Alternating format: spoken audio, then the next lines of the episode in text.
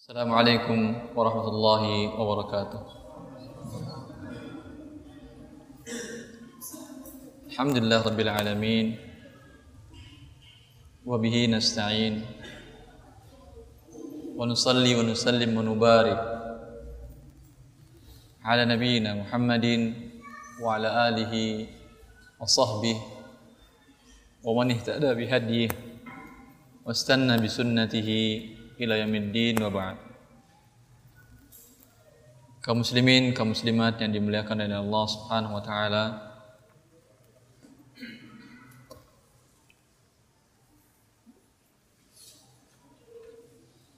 Beberapa saat ke depan insyaallah kita akan membahas tentang halal haram muamalat kontemporer.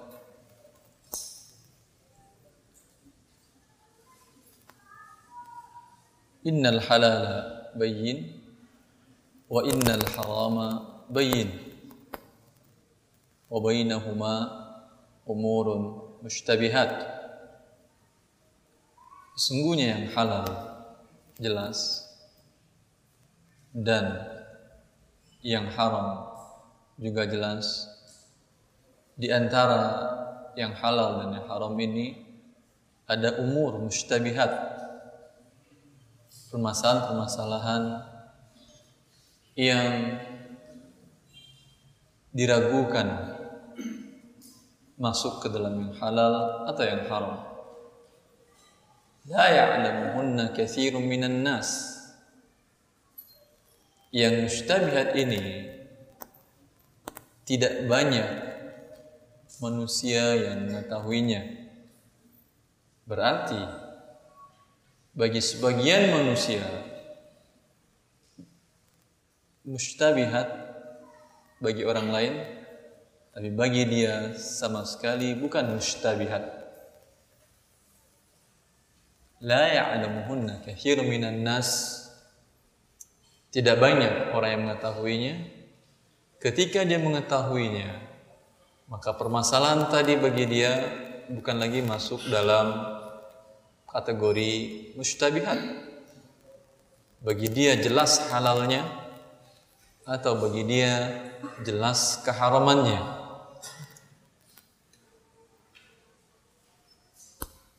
Hal yang menurut sebagian orang mustabihat atau bagi kebanyakan orang hal tersebut mustabihat, bagi dia yang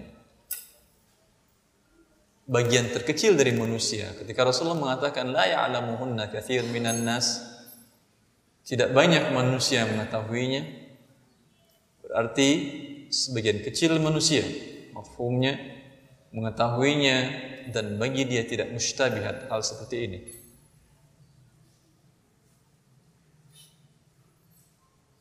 Kasus seperti ini bukan saja kasus yang kita hadapi problematika yang kita hadapi dalam kehidupan kontemporer ini. Di masa sahabat sendiri, Aisyah radhiyallahu taala anha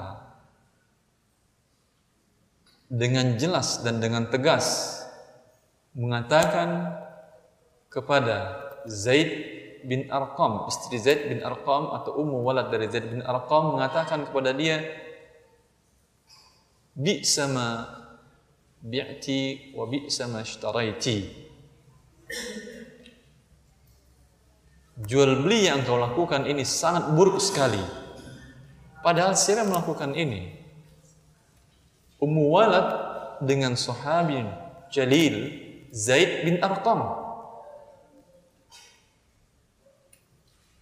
Bagi Zaid bin Arqam mungkin ini masuk dalam permasalahan yang mustabihat tapi bagi Aisyah tidak. Sampai dia mengatakan, beritahukan Zaid bahwa dia telah membatalkan jihadnya bersama Rasulullah illa ayyatub kecuali dia bertobat kepada Allah.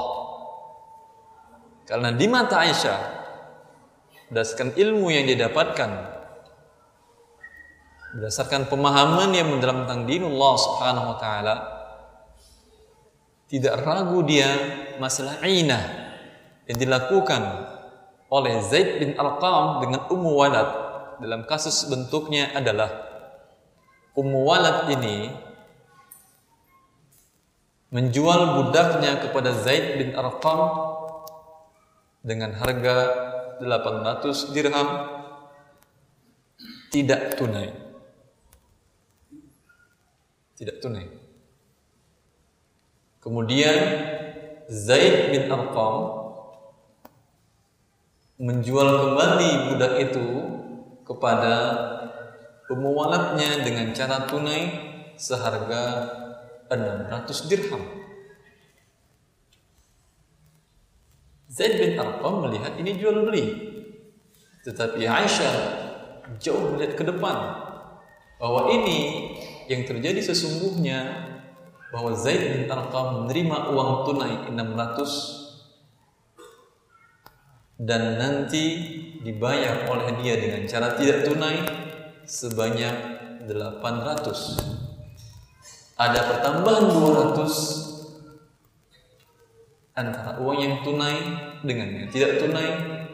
Adapun transaksi jual beli yang mereka lakukan hanyalah suri tanpa peluangnya saja. Karena barang kembali kepada pemilik semula maka di mata Aisyah tidak syak dan dia dan tidak ragu dia bahwa ini murni riba dan bila diharamkan sebuah riba dengan cara pengelabuan seperti ini bukan saja dosa yang didapatkan tetapi pahala yang sudah anda pun bisa hilang. Karena tidak mungkin Aisyah mengatakan ini bila tidak mengetahui dengan baik transaksi dilakukan oleh Zaid bin Arqam dengan umum wadatnya tadi.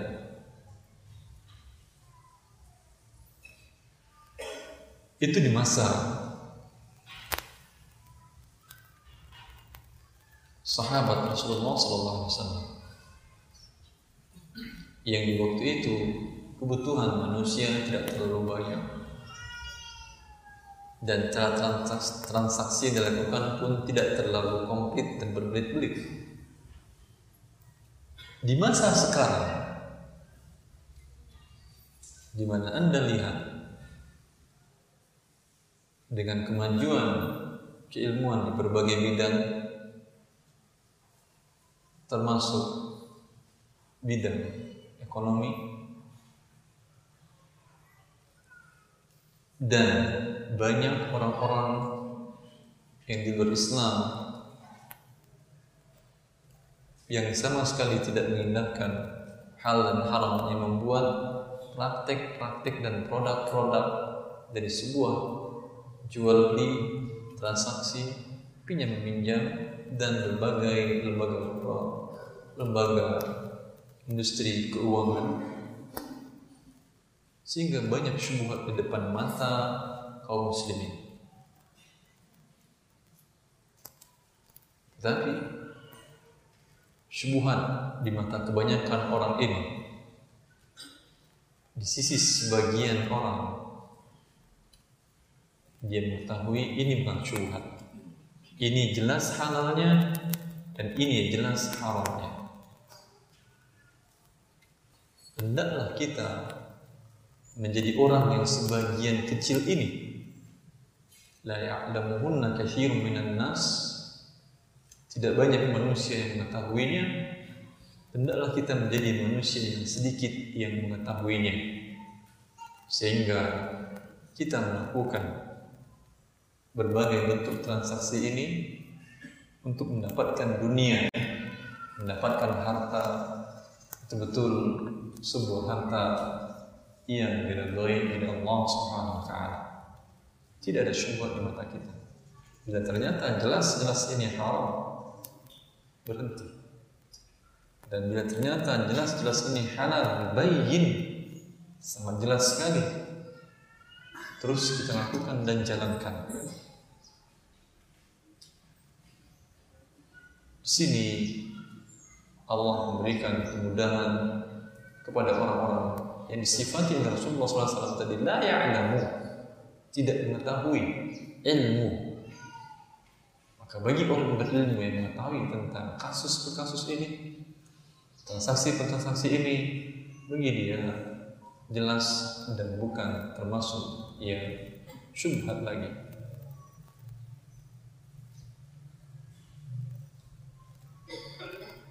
Secara garis besarnya, bagaimana kita akan mengetahui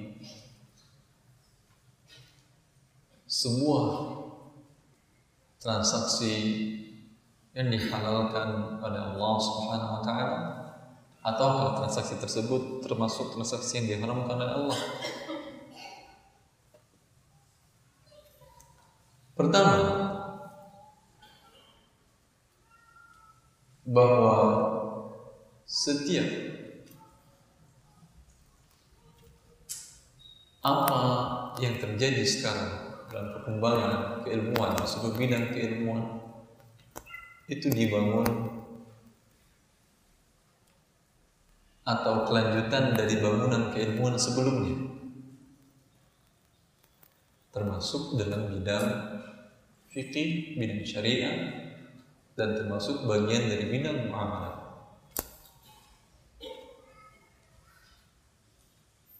Maka untuk mengetahui sesuatu yang kontemporer jangan lupakan mempelajari kitab-kitab para ulama dalam masalah fikih muamalat yang mungkin dikatakan klasik.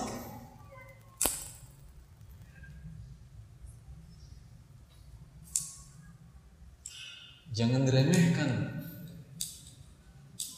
Karena sering kita dengar dari tulisan-tulisan berbagai media atau juga komentar-komentar yang mengatakan bahwa muamalat sekarang atau transaksi ekonomi sekarang atau permasalahan perbankan sekarang, permasalahan perekonomian dan moneter dan lain-lainnya jangan dipahami melalui kitab fikih klasik. Coba baca maqasid syariah. Pelajari berdasarkan ini. Kenyataannya tidak benar seluruhnya. Dan juga tidak salah seluruhnya. Tidak salah seluruhnya. Karena memang tidak mungkin kita memahami apa yang terjadi sekarang dengan apa yang terjadi di masa dahulu. Karena fikih adalah al-ilmu bil ahkam syar'iyyah al-amaliyah al-mustanbaqah min adillati tafsiliyah dan fatwa fatwa merupakan jawaban dari kasus yang terjadi di masa itu. Dan sekarang kasusnya berubah dan juga tidak benar seluruhnya. Pernyataan itu. Karena berapa banyak permasalahan yang kontemporer atau masalah kekinian dalam kasus yang mirip dengan itu telah dibahas oleh para ulama jauh di masa mereka terjadi. Jauh sebelum kasus itu terjadi dalam beberapa contoh umpamanya.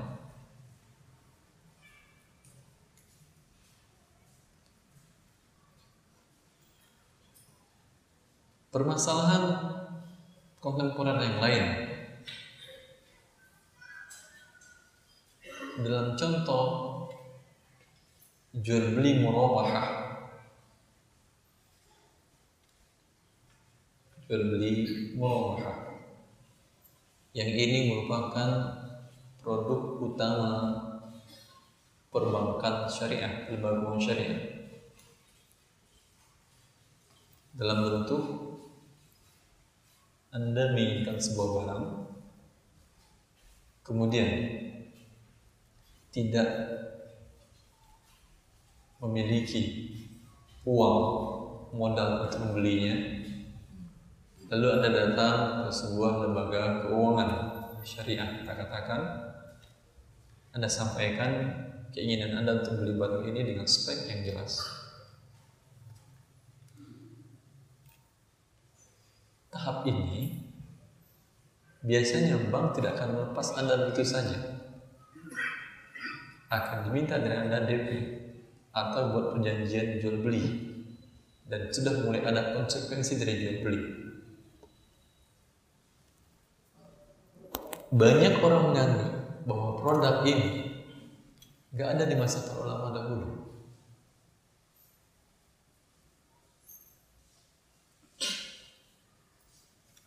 Memang lembaga keuangan tidak ada di masa dahulu, tapi kasus yang sama seperti ini pernah dijelaskan oleh Imam Syafi'i dalam kitabnya Al-Um. Imam Syafi'i dalam kitab Al-Um. Kapan beliau meninggal? Imam Syafi'i lahir tahun berapa? Hah? Tahun berapa Imam Syafi'i lahir? 150 ya. Wafat tahun berapa beliau? 204. Sekarang 1400. Sudah 1200 tahun yang lalu ya. Imam Syafi'i mengatakan hal yang sama seperti ini dan telah memberikan hukumnya di waktu itu juga.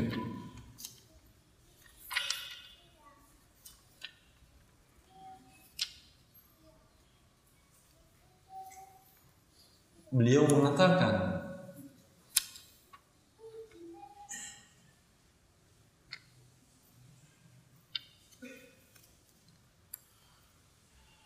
Idza ara rajulur rajulah apabila seseorang mengatakan kepada temannya hasil ata sebuah barang. Ishtari hada. Beli barang ini. Kemudian nanti akan aku beli dari anda barang ini ya. fahuwa bil khiyari maka keduanya tidak boleh diikat apa pun juga masih ada khiyar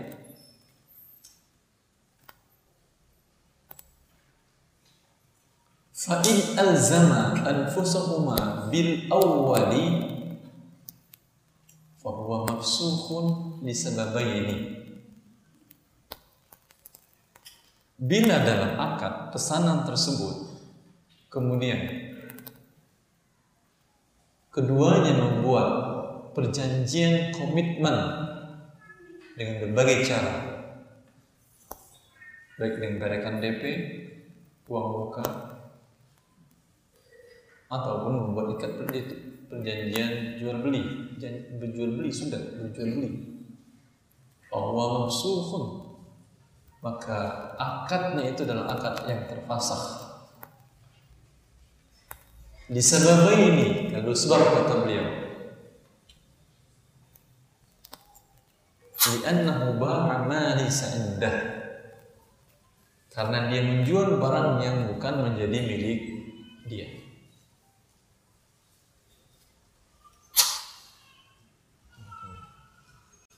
Maka bagaimana kita katakan? Jangan pahami apa yang terjadi di industri keuangan hari ini dengan fikih klasik. Sama persis kasusnya, hanya beda orangnya saja. Kalau ini seseorang A dengan B berjalan berdua dan mengatakan tolong beli itu oleh kamu dahulu.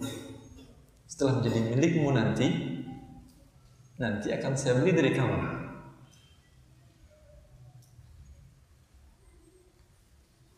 Pada saat ini kata Imam Syafi'i dia mengatakan dia masih memiliki hak khiyar untuk meneruskan jual beli atau tidak. Tapi kalau pada saat ini baru minta tolong dibelikan itu, minta tolong beli temannya B tadi, langsung dibuat akad, ya udah kalau gitu saya jual kepada anda. Oh, maksud ini akad yang batal karena dia menjual barang yang bukan menjadi milik dia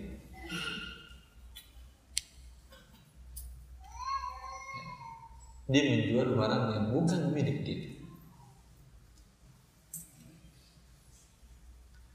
Maka memahami apa yang terjadi dengan setiap transaksi kontemporer kekinian tidak mesti transaksi itu dilakukan oleh lembaga keuangan. Banyak perorangan yang melakukan transaksi ternyata transaksi tersebut merupakan sesuatu yang diharamkan oleh Allah Subhanahu wa. Permasalahannya tidak cukup sampai di sana. Berdampak kepada hasil uang yang didapatkan dari transaksi tadi. Bila transaksinya tidak dibenarkan oleh syariat, uang di tangan Anda. Bukan lagi uang, tapi adalah nar, neraka. Dan barang di tangan Anda bukan lagi barang yang bisa dinikmati, tapi ini barang rampasan, merampas hak milik orang lain, mengambil dengan cara yang batil. Maka para ulama kita membahas permasalahan muamalah dalam seluruh buku mereka dan mereka tempatkan setelah membahas masalah ibadah.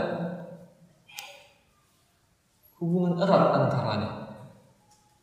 Bagaimana Anda bisa beribadah dengan baik kepada Allah?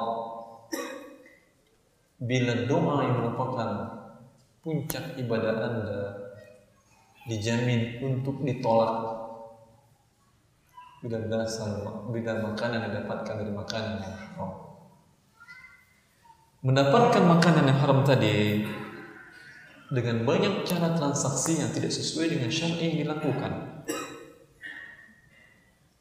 Bisa saja transaksi tersebut pengelabuan dan riba. Memang tidak riba seperti ribanya jelas-jelas 10 bersebelas tapi dikelabui dalam bentuk cara lain. Maka memahami ini, pelajarilah fikih-fikih para ulama terdahulu. Jadi jangan dikesampingkan apa yang telah dibangun oleh para ulama dahulu dalam buku-buku fikih mereka.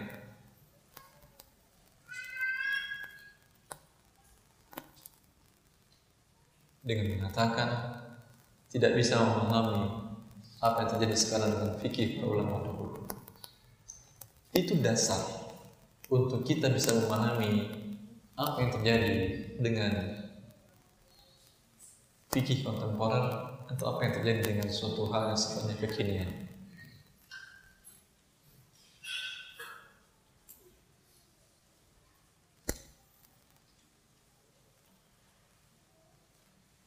Saya mengejar di beberapa program magister ekonomi syariah.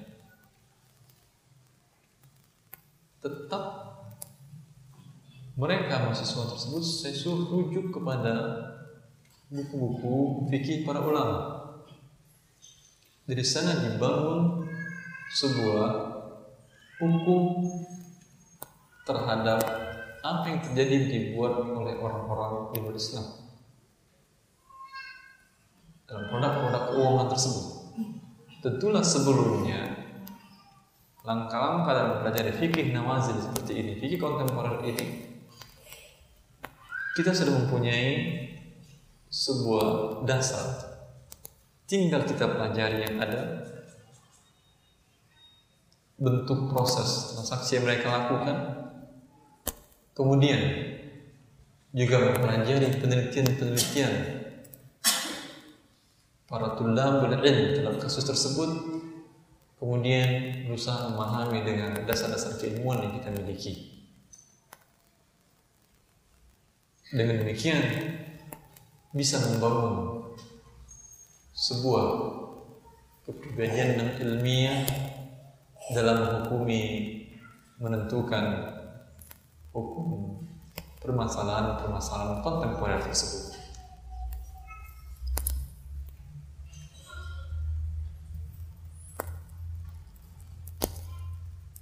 Syekh Muhammad bin Shalih Al-Utsaimin rahimahullah.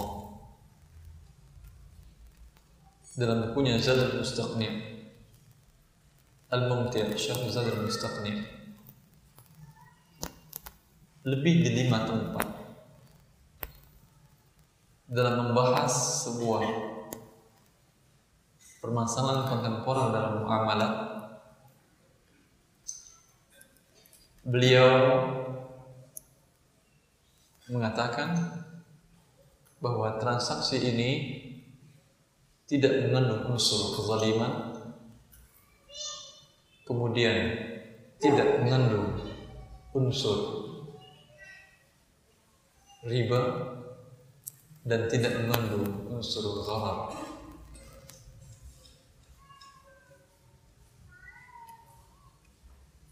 Bila tidak mengandung unsur ini, kembali kepada hukum asal sebuah muamalah. Yang Allah katakan wa halallahu bai'a. Allah telah menghalalkan jual beli. Allah telah menghalalkan jual beli. Ungkapan yang semakna dengan ini dijelaskan oleh banyak para ulama dalam kata al-aslu fil buyu'i al-ibahah hukum asal dari sebuah jual beli adalah mubah Jangan pahami hukum asal adalah mubah ini. Anda mengatakan beli motor dengan cara kredit seperti banyak sekarang transaksi jual beli kan? Hukum asalnya adalah mubah begitu?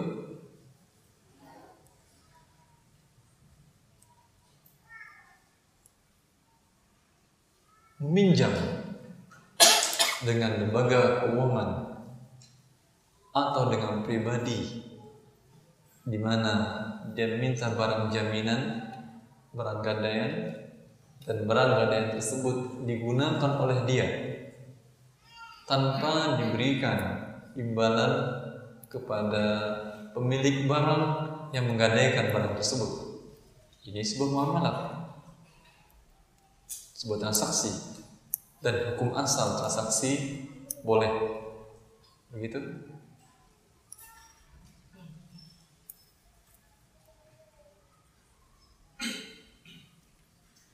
tidak begitu memahaminya. Ini dijelaskan oleh para ulama bahwa dalam kaidah al-istishab bila dikatakan hukum asal ini boleh dan seluruh kaidah istishab yang lain. Isbatu makana isbatu ma thabata fi zaman al-awwal disebut isbatu ma thabata isbatu ma thabata fi zaman al-thani disebut fi zaman al-awwal memahami istishab ini bukan berarti serta merta kita katakan semuanya boleh. Tidak begitu memahaminya. Seperti dikatakan oleh Syekh Islam bin Taimiyah dalam memahami kaidah istishab yang pertama kali kita cari apakah di sini ada yang mengeluarkan dia dari hukum asalnya yang boleh tadi. Bila ditemukan ada yang mengeluarkan dia dari hukum asal yang boleh tadi, maka keluarlah dia dari hukum kaidah yang pertama. Hukum asalnya adalah boleh berubah dia menjadi yang haram. Berubah dia menjadi yang haram bila ada sebuah bentuk transaksi yang baru tentu tidak serta merta kita mengatakan ini boleh. Kita lihat apakah dia mengandung unsur riba atau mengandung unsur gharar atau mengandung unsur kezaliman, makan harta orang dengan cara yang batin. Bila ada keluarnya dari kaidah hukum asal, kalian keluarnya dari kaidah al-istishab yang tadi, maka hukumnya menjadi sesuatu transaksi yang diharamkan. Untuk itu perlu kita mengetahui apa yang dimaksud dengan masing-masing kaidah yang mengharamkan ini. Sehingga dengan demikian bisa kita mengatakan ini halal, ini haram. Dan kita termasuk orang yang sebagian sedikit orang yang mengetahui dan bagi dia tidak syubhat hal tersebut. Beberapa waktu yang lalu di sebuah kota ada salah seorang yang ingin minta waktu bertanya khusus. Empat mata saya berikan waktu kepada dia. Dan dia menjelaskan kasusnya dia. Kasus ini sudah ditanyakan sebelumnya kepada beberapa ustaz. Umumnya mereka menjawab boleh Lalu dia tanyakan untuk meyakinkan karena dalam hatinya masih belum puas sesuatu sepertinya. Maka dia tanyakan lagi mengatakan kasusnya dia. Kasusnya begini. Dia mendapatkan hadiah mobil mewah Mercy. Didapatkan dari poin yang dikumpulkan berlangganan sebuah jasa telekomunikasi. Jasa handphone biasanya Anda setelah telepon sekian, pengeluaran sekian biasanya ada poin-poin diberikan ya. Poin ini kan bisa ditukar dengan pulsa. Kata dia, Sebagiannya saya tukar dengan pulsa. Sebagian lagi ada pilihan lain selain untuk pulsa, ada juga yang poin ini bisa menjadi syarat untuk ikut undian mobil mewah tadi.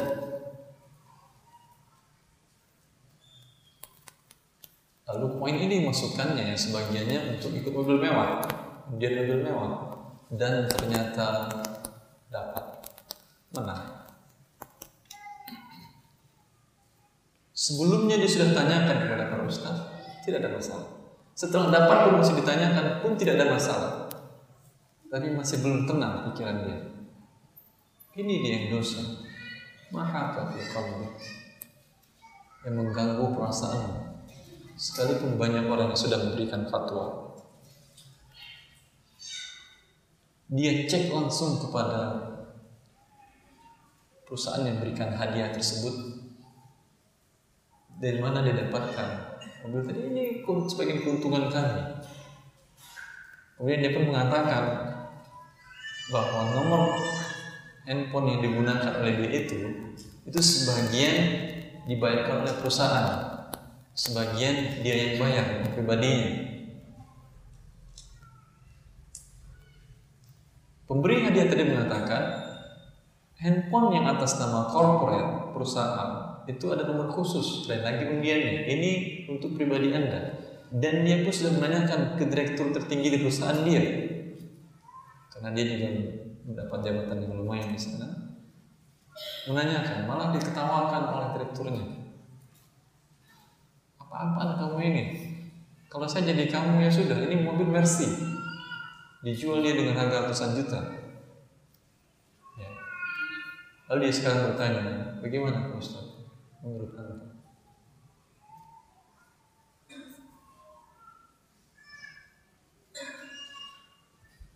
Perhatikan awal bentuk akadnya. Awal akadnya betul hadiah di awalnya. Yaitu kalau Anda telepon bila telah menggunakan pulsa sekian mendapatkan poin sekarang ini murni hadiah poin ini Anda tukar dengan pulsa, ahlan masalah. Boleh. Ini berarti diberikan kepada dia tidak adalah pulsa, hadiah, betul-betul hadiah. Ini betul-betul hadiah. Tetapi yang pulsa ini kemudian ikutkan sebuah undian sekarang apakah masih hadiah lagi dia? Untuk mendapatkan hadiah juga. Tapi untuk mendapatkan hadiah ini dia harus poinnya ini diberikan untuk itu. Poin ini kan senilai pulsa kan? Sama artinya dia beli pulsa sekian kan bisa dijual pulsa kan? Dimasukkan untuk ikut undian ini setelah diundi pada waktu ikut undian itu masukkan mendaftarkan poin ini untuk ikut undian kalau tidak keluar namanya hilangkan poinnya hilangkan pulsanya yang bernilai uang tadi. Kalau didapatkan dapat dia mobil mewah. Termasuk judi atau tidak? Murni judi murni judi. Dan termasuk jual beli gharar karena tidak jelas pada saat dia memberikan poinnya ini mendaftarkan poinnya ini untuk ikut mengambil hadiah untuk ikut undian ini tidak jelas apakah dia akan dapat atau hilang poinnya. Yang poin ini bernilai uang. Ya. maka ini murni judi Lihat, kalau dari awal, dari awal, dari awal umpamanya ada undian apa mobil mewah Mercy. Untuk bisa ikut undian, Anda harus beli pulsa sekian dan daftarkan pulsanya itu untuk itu. Berarti beli pulsa dalam bentuk uang kan, seratus atau berapa, lalu daftarkan, hilang pulsa Anda kan. Kalau dari awal begini jelas nggak ada judi? Jelas atau tidak judi ini? Jelas ini judi. Tetapi dibuat diputar oleh dia dengan cara dari awal hadiah, poin. Poin ini bisa bentuk pulsa, bisa itu undian. Maka bagi sebagian orang berubah menjadi syubhat. Tidak jelas lagi pada waktu itu bagi dia.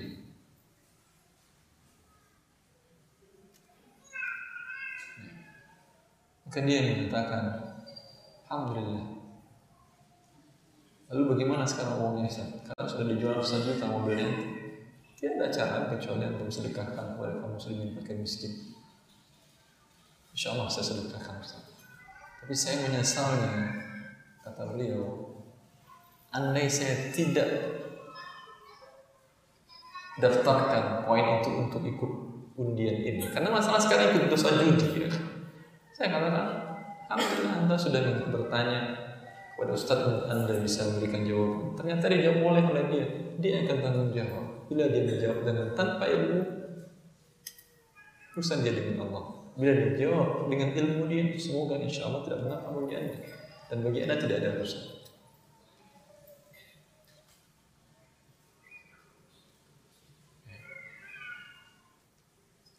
Maka kompleks permasalahannya, permasalahan kontemporer itu, maka dituntut kita sebagai kaum muslimin jangan terlalu mudah dan gampang memudah-mudahkan dengan menggunakan kaidah umum tadi bahwa asal jual beli adalah boleh. Ini sekarang pasal hukum hadiah, hadiah ini. Dia berikan hadiah mercy. Ya. Hadiah mercy ini adalah boleh. Tidak. La yang ada hunna kathirun minan nas yang tidak banyak orang mengetahui dalam hal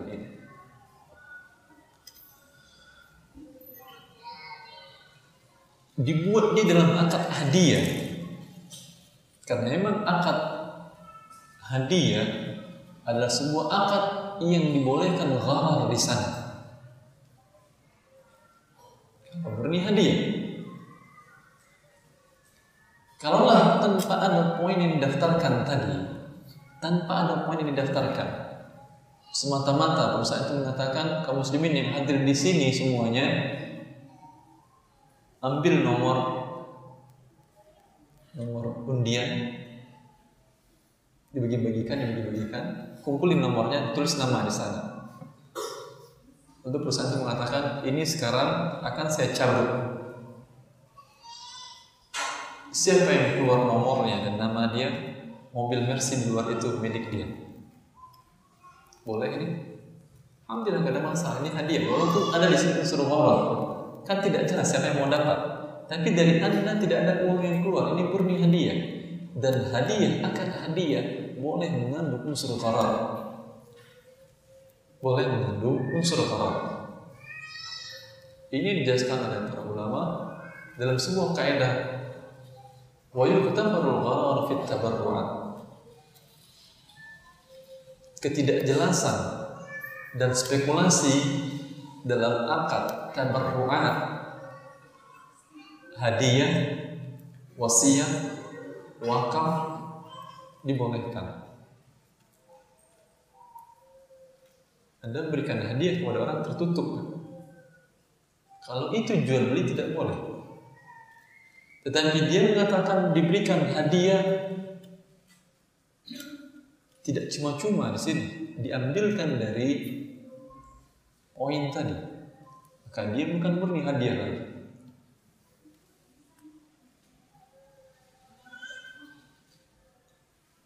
Keluar dia dari hukum hadiah menjadi hukum muamalah pengganti tukar menukar.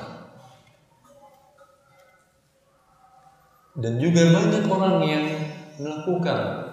Mereka mengatakan dalam rangka untuk membangun persaudaraan, membangun persamaan, membangun hubungan lebih baik. Bukankah Islam menganjurkan tahadu tahabu saling memberi hadiahlah kalian akan saling mencintai. Mereka sering buat sebuah akad di mana sekelompok orang masing-masing datang dalam sebuah pertemuan masing-masing membawa hadiah ditentukan harganya harganya umpamanya 3 100 ribu masing-masing bawa hadiah. Terserah hadiah apa saja. Dalam pertemuan tadi mari kita berbagi hadiah. Si A memberikannya dia kepada B. Bertukar hadiah. Ya. Si B mungkin memberikan hadiah kepada C. Dan begitu pokoknya mereka bertukar hadiah. Masing-masing bertukar kado. Dalam rangka untuk membangun persaudaraan dan kekerabatan dan kedekatan satu dengan lain niat baik tidak cukup untuk melakukan sebuah hal dia mengatakan, bukankah ini asal muamalah? Boleh. Dan bukankah ini adalah hadiah juga boleh gharar? Ya. Dalam akad seperti ini, dalam akad seperti ini, tukar menukar hadiah dengan hadiah ini. Tunai.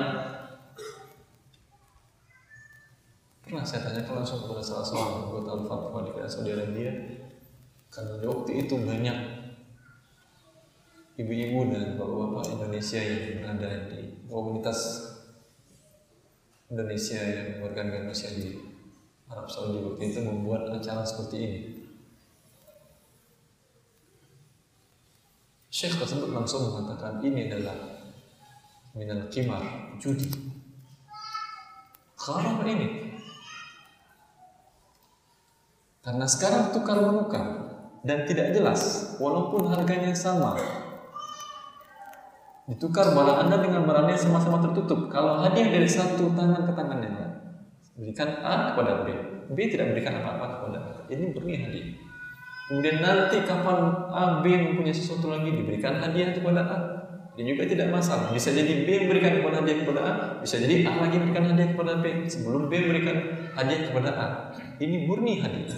Tapi dibuat direkayasa dengan seperti ini. Tujuan baik tadi menjadi perjudian yang Allah katakan. Yuqi'a bainakumul adawata wal baghdha bil khamri wal maisi bahwa syaitan menginginkan anda jatuh kita jatuh kaum muslimin terjatuh di dalam saling bermusuhan dan saling membenci dalam perjudian yang dilakukan. Tujuan dia saling membina persaudaraan yang terjadi adalah saling benci dikatakan oleh Allah Subhanahu wa taala karena perjudian yang mereka buat. Maka pelajari syariat Allah dengan baik kaidah ini pelajari dengan.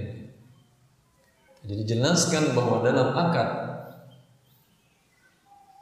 hadiah memang boleh.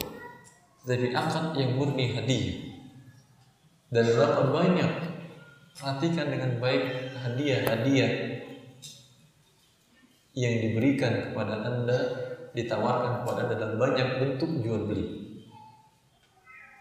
tidak semuanya halal. Dan tidak semuanya adalah hadiah.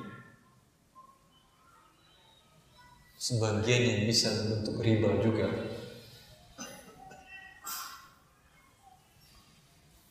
Ada beberapa perusahaan?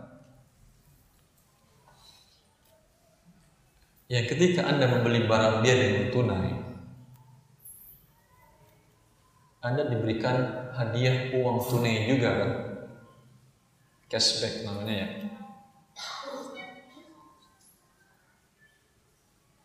Beli motor, beli rumah, harga tunai mau 100 juta, Anda dapat hadiah uang tunai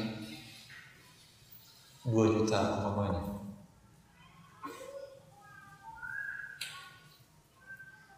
Hadiah uang tunai 2 juta. Betulkah ini hadiah?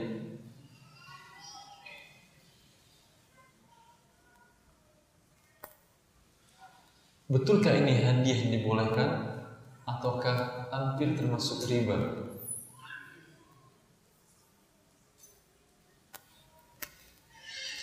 Karena bisa dikhawatirkan uang 2 juta tadi ditukar dengan 100 juta. Permasalahan ini dibangun atas permasalahan yang lama dibahas oleh para ulama dahulu.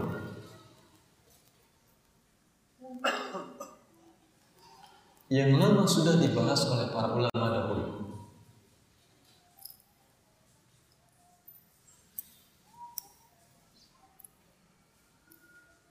Pernah ada salah seorang teman waktu program magister fikih dia dari fikih saya itu dari usul fikih dia nggak sedikit bosan dengan permasalahan-permasalahan yang dijelaskan oleh dosen dengan permasalahan muddu ajwa wa dirham bidirhamin. Muddu ajwa wa dirham bidirhamin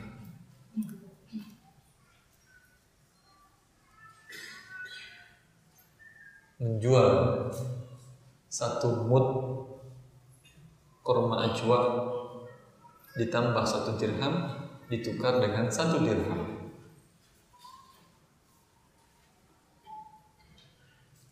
Para khilaf dalam hal ini. Jumhur ulama tidak membolehkan.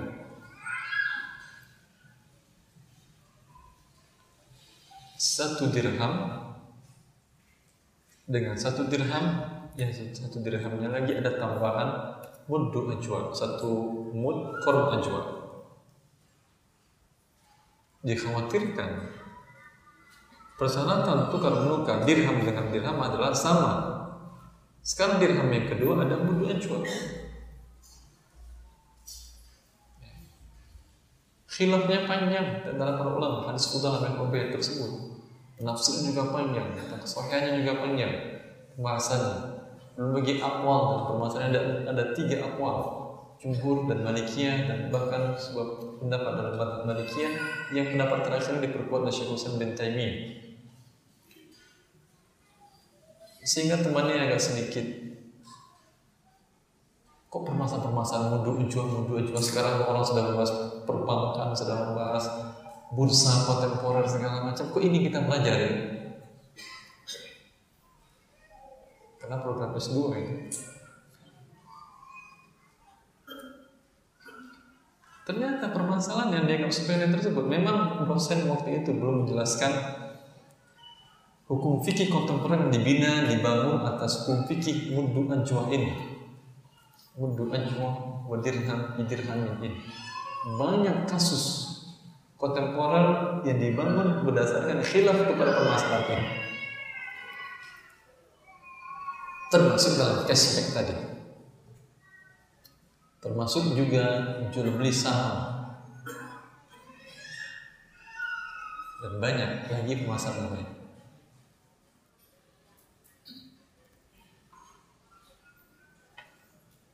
Dirham dengan dirham persyaratannya sama. Ini sudah sama, tapi kemudian berlebih dengan ada tambahan mudu acuan. Untuk cashback tadi 100 juta ditukar dengan 2 juta 2 juta ditambah dengan rumah kalau di sini tidak sama uangnya kan.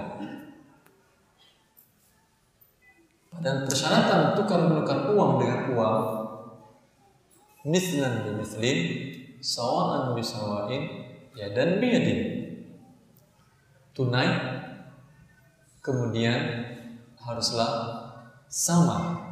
Sekarang tidak sama.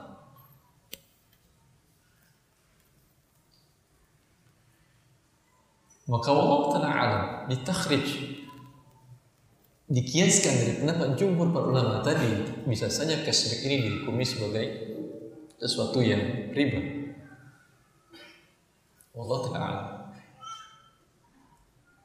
Dari pendapat yang terkuat dalam masalah muddu ajwah tadi pendapat Syekh Utsman bin Taimiyah yang beliau mengatakan ini pendapat sebagian Malikiyah juga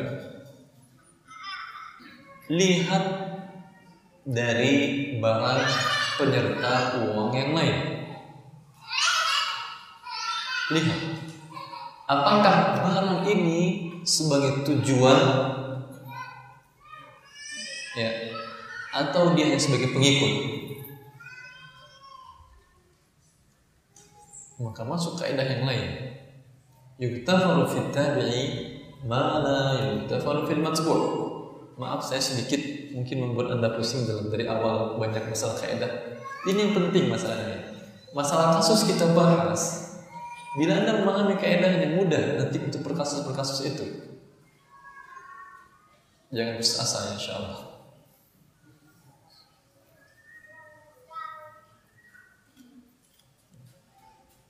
Karena sebagian mahasiswa saya juga sering mengeluh Ustaz Pas kebetulan saya itu ngajar di tempatnya dia itu siang Jam saya pada zuhur.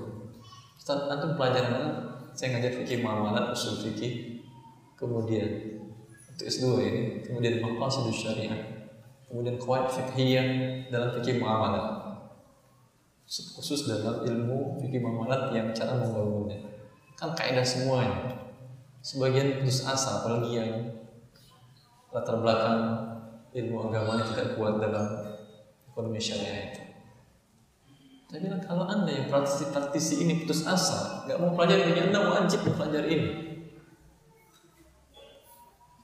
Kalau orang umum kebiasaannya, yang penting bagi mereka halal atau haram. Tapi bagi anda, anda melakukan setiap hari ini.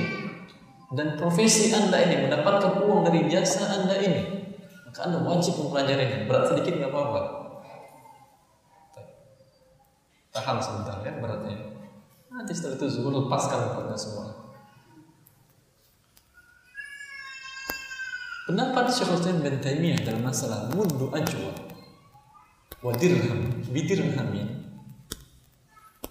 lihat apakah tujuannya uang barang itu sebagai tujuan atau barang sebagai pengikut? Sehingga bisa dihukumi bisa dihukumi boleh atau tidaknya sebuah transaksi tadi untuk acuan tadi. Lihat dalam cashback tadi. Tujuan anda ketika membayar 100 juta apakah uang 2 juta atau rumah? Rumah atau uang 2 juta? Kalau uang 2 juta berarti betul tukar menukar 100 juta dengan 2 juta rumah pengikut. Riba ini akarnya tapi kalau tujuan Anda 100 juta adalah beli rumah, kemudian 2 juta mengikut hukumnya adalah sebagai pengikut yuhtafaru fit tabi'i mana yutafaru fil majbur dimaafkan dalam sebuah akad sesuatu yang tidak boleh tetapi statusnya pengikut kepada akad yang boleh akan dimaafkan. Walaupun ini mengandung riba walau mengandung riba mana hadisnya? Mana dalilnya? Dalil yang mungkin dikatakan sangat klasik karena tidak ada lagi contohnya sekarang. Jual beli budak ada sekarang jual beli budak tidak ada jual beli budak sekarang. Tapi dari sini dalilnya ada dalam Sahih Bukhari. Jadi jangan pernah mengatakan dan malas mempelajari kitab fikih para ulama dahulu.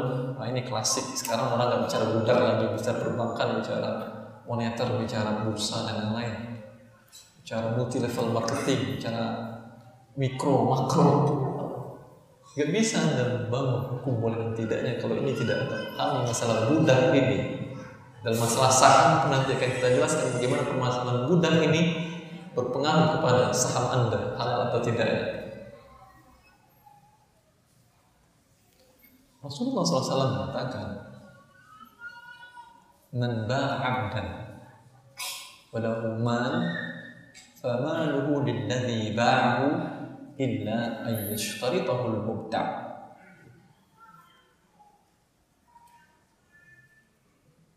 Barang siapa yang menjual budak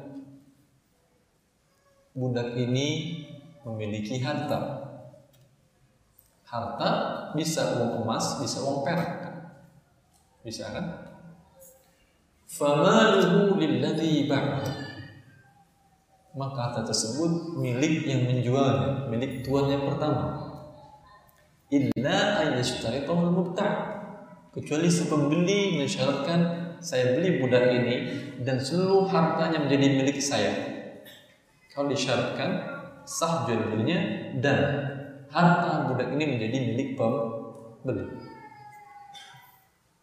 Andai harta budak itu adalah uang emas dan budak ini dibeli dengan uang emas juga, sama atau tidak kasusnya dengan cashback tadi? sama ya? Perhatikan lagi dulu.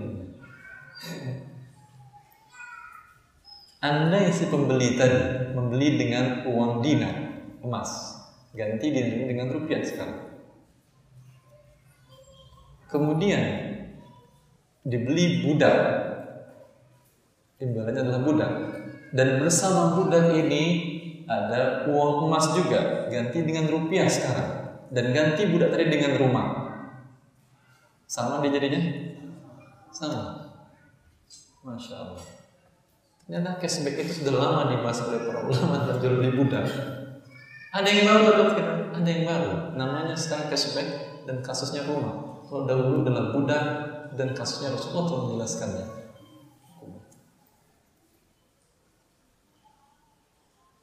Makanya lihat di dalam sini, lihat dalam hal ini, tujuannya adalah beli budak atau ingin hartanya dia. Tujuannya beli budak dan ada bersamanya akan ngikut. Tetap ini juga bagian dari tujuan dia kan. Tetapi tujuan yang tanawi. Sifatnya tidaklah utama, pengikut dan yuhtafaru fit Karena kalau tukar menukar uang emas milik budak tadi dengan uang emas harga pembelian budak persyaratannya haruslah tunai dan sama sekarang itu tidak sama kan? Ada riba kalau tidak sama. Tetapi karena dia adalah mengikut kepada mudah yang diinginkannya, hadis Rasulullah man abdan. Siapa yang menjual budak berarti menjadi fokus objeknya adalah budak. Uangnya seharusnya apa? Pengikut.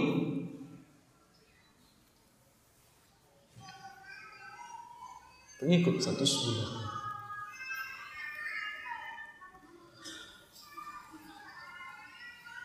Dr. Mubarak Sulaiman dalam disertasi dia tentang ahkam ta'amulat fil aswakil maliyah hukum transaksi-transaksi di uh, pasar modal termasuk bursa barang komoditi, termasuk uh, falas dan lain-lain.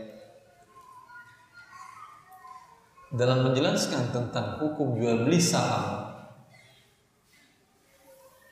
jual beli saham, beliau merujuk kepada mudbu najwa wa dirham bidirhamin mudbu najwa wa dirham bidirhamin insyaallah hafalan tuh ini kasusnya beliau mengatakan hukum asal jual beli saham.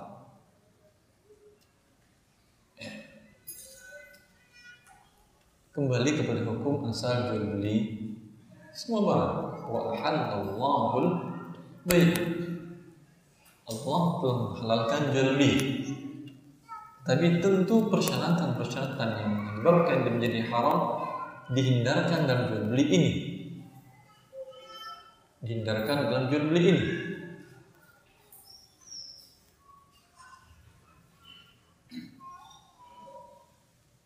Mungkin Anda mengatakan apa hubungan saya dengan saham? Eh, mungkin tidak banyak dari kita berhubungan dengan saham yang dijual di bursa tersebut. Tetapi banyak di antara kita yang bermitra kan, berkongsi, berserikat dalam sebuah usaha. Kalau Anda ingin keluar dari bermitra tadi, perkongsian berserikat tadi, bagaimana caranya? Bisa nggak saham Anda ini berarti Anda memiliki saham dalam usaha tadi kan? Bisa nggak saham Anda ini dijual kepada orang lain? Dan kalaupun bisa dijual, berapa nilainya? Haruskah sama besarnya dengan aset tersebut atau boleh lebih besar atau tidak memiliki keuntungan boleh atau tidak?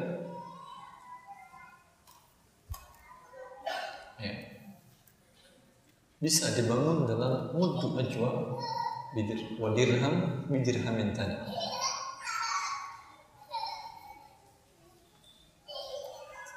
untuk jenis usahanya banyak persyaratan dijelaskan oleh para ulama tentang saham tadi. Pertama, yang boleh dijual mulai dari perusahaan tersebut bila perusahaannya bergerak di bidang yang mubah, yang halal, bukan di bidang yang haram. Kemudian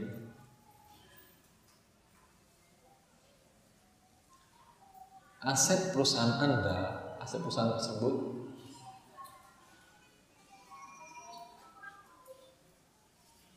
bila asetnya 70% lebih berbentuk uang berbentuk uang maka saham Anda dijual sesuai dengan nilai aset waktu itu. Tidak boleh lebih. Jelas ini anda berkongsi jual beli pakaian berdua, masing-masing ada saham 50-50 persen. Ya. Tentu asetnya yang paling banyak adalah pakaian kan. Tapi ternyata pakaian tinggal sedikit, uang yang menumpuk sekarang dalam jumlah banyak. Mungkin kan berbentuk barang hasilnya 30% lagi, yang berbentuk uang 70%.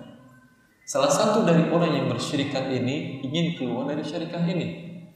Ingin keluar dari bersyirikat ini. Tetapi yang satunya mengatakan kasihan, prospek usaha kita ke depannya luar biasa. Saya siap saja bagi ambil uangnya sebagian untuk Anda dan ambil pakainya sebagian untuk Anda. Tapi kan kasihan usaha yang sudah kita bangun ini kemudian berhenti pisang saja menjadi hancur menjadi kecil. Gimana kalau Anda jual saja kepada orang lain? Saya tawarkan, saya carikan saudara saya informanya. Ditemukan oleh dia orang yang akan membeli sahamnya ini. Akan diganti uang dia. Dalam kasus seperti ini, yang ingin keluar dari syarikat tadi tidak boleh mengambil lebih daripada nilai aset dan haruslah tunai. Karena sekarang jual beli apa ini? Aset yang kebanyakan asetnya adalah berbentuk uang. Jadi tunduk dia kepada hukum tukar menukar uang dengan uang. Haruslah sama dan haruslah tunai. Karena 70%, 30% dalam bentuk barang. Mana yang menjadi tujuan, mana yang pengikut. Uang yang menjadi asal, sekarang barang menjadi pengikut. Ya. Maka tidak boleh dijual aset saham dia tadi, 5% tadi, Anda dikatakan dihitung uangnya ada sekitar 100 juta. Ya. Barang setelah dihitung, aset dari barangnya ada umpama 20 juta. Dia hanya boleh menjual 120 juta. Betul. Kita ulang. Uang tunai ada 100 juta. Aset ada 20 juta berbentuk kain tadi. Berarti dia hanya boleh menjual saham dari 50% kan 60 juta. Tidak boleh lebih dan harus tunai. Karena sekarang tukar menukar uang dengan aset yang sebagian besar bentuk uang sama tunduk dengan hukum uang ya. Dalam hukum riba yang pernah kita bahas tahun yang lalu, mudah-mudahan kita masih ingat. Tukar menukar uang persyaratannya haruslah tunai dan haruslah sama.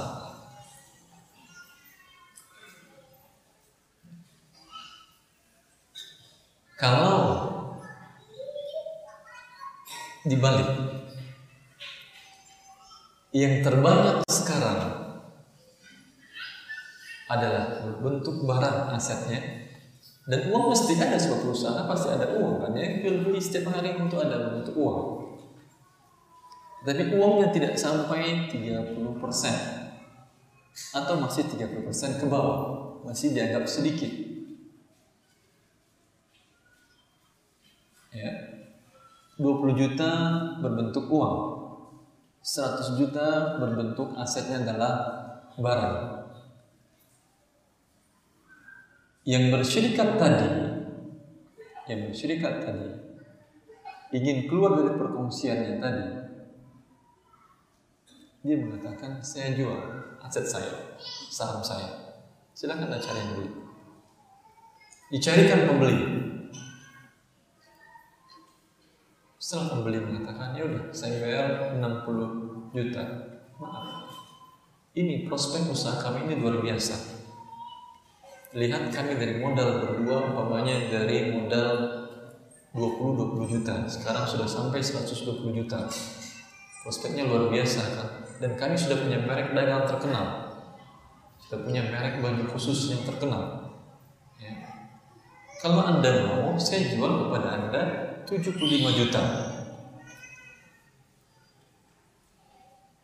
Bolehkah atau tidak? Hah? Boleh, tidak ada masalah. Karena sekarang sebagian besarnya berbentuk apa asetnya? Barang. Sama dengan menjual barang, ya, mendapatkan keuntungan laba yang lebih. Bukan uang lagi. Apa pembahasan ini dalam fikirnya? Mudah menjual dirham bidirham yang disepelekan oleh teman tersebut.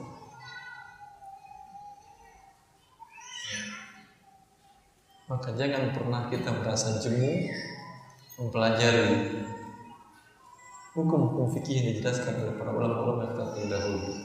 Tidak bisa kita bangun hukum fikih yang baru ini, kontemporer ini, melainkan yang pelajari yang telah berlalu. Tetapi siapa yang bisa menggunakannya? Dibutuhkan keseriusan dari Anda dan dari kita untuk belajar hukum Allah taala ini. Kebutuhan untuk ilmu syariat lebih butuh daripada kebutuhan akan harta itu sendiri. Kita mempelajari hukum untuk terhadap sebuah transaksi. Karena kita membutuhkan transaksi ini membutuhkan keuntungan laba dari itu. Sebelum mendapatkan laba yang pelajari hukum Allah dalam hal ini lebih penting lagi. Tapi tentu tidak serumit yang tadi kita jelaskan. Kurang-kurangnya bertanya bila sebuah transaksi akan kita lakukan. Karena bila ternyata transaksi tersebut riba atau seperti yang terjadi pada teman tadi dia tidak Allah dia mengatakan saya tidak menyesali keluar ratusan juta yang sudah di tangan saya. Saya tidak menyesali itu dari versi tadi. Yang saya sesali adalah kenapa saya berbuat judi? Masalah dunia habis-habis katanya tapi yang masalah judi ini saya telanjur melakukannya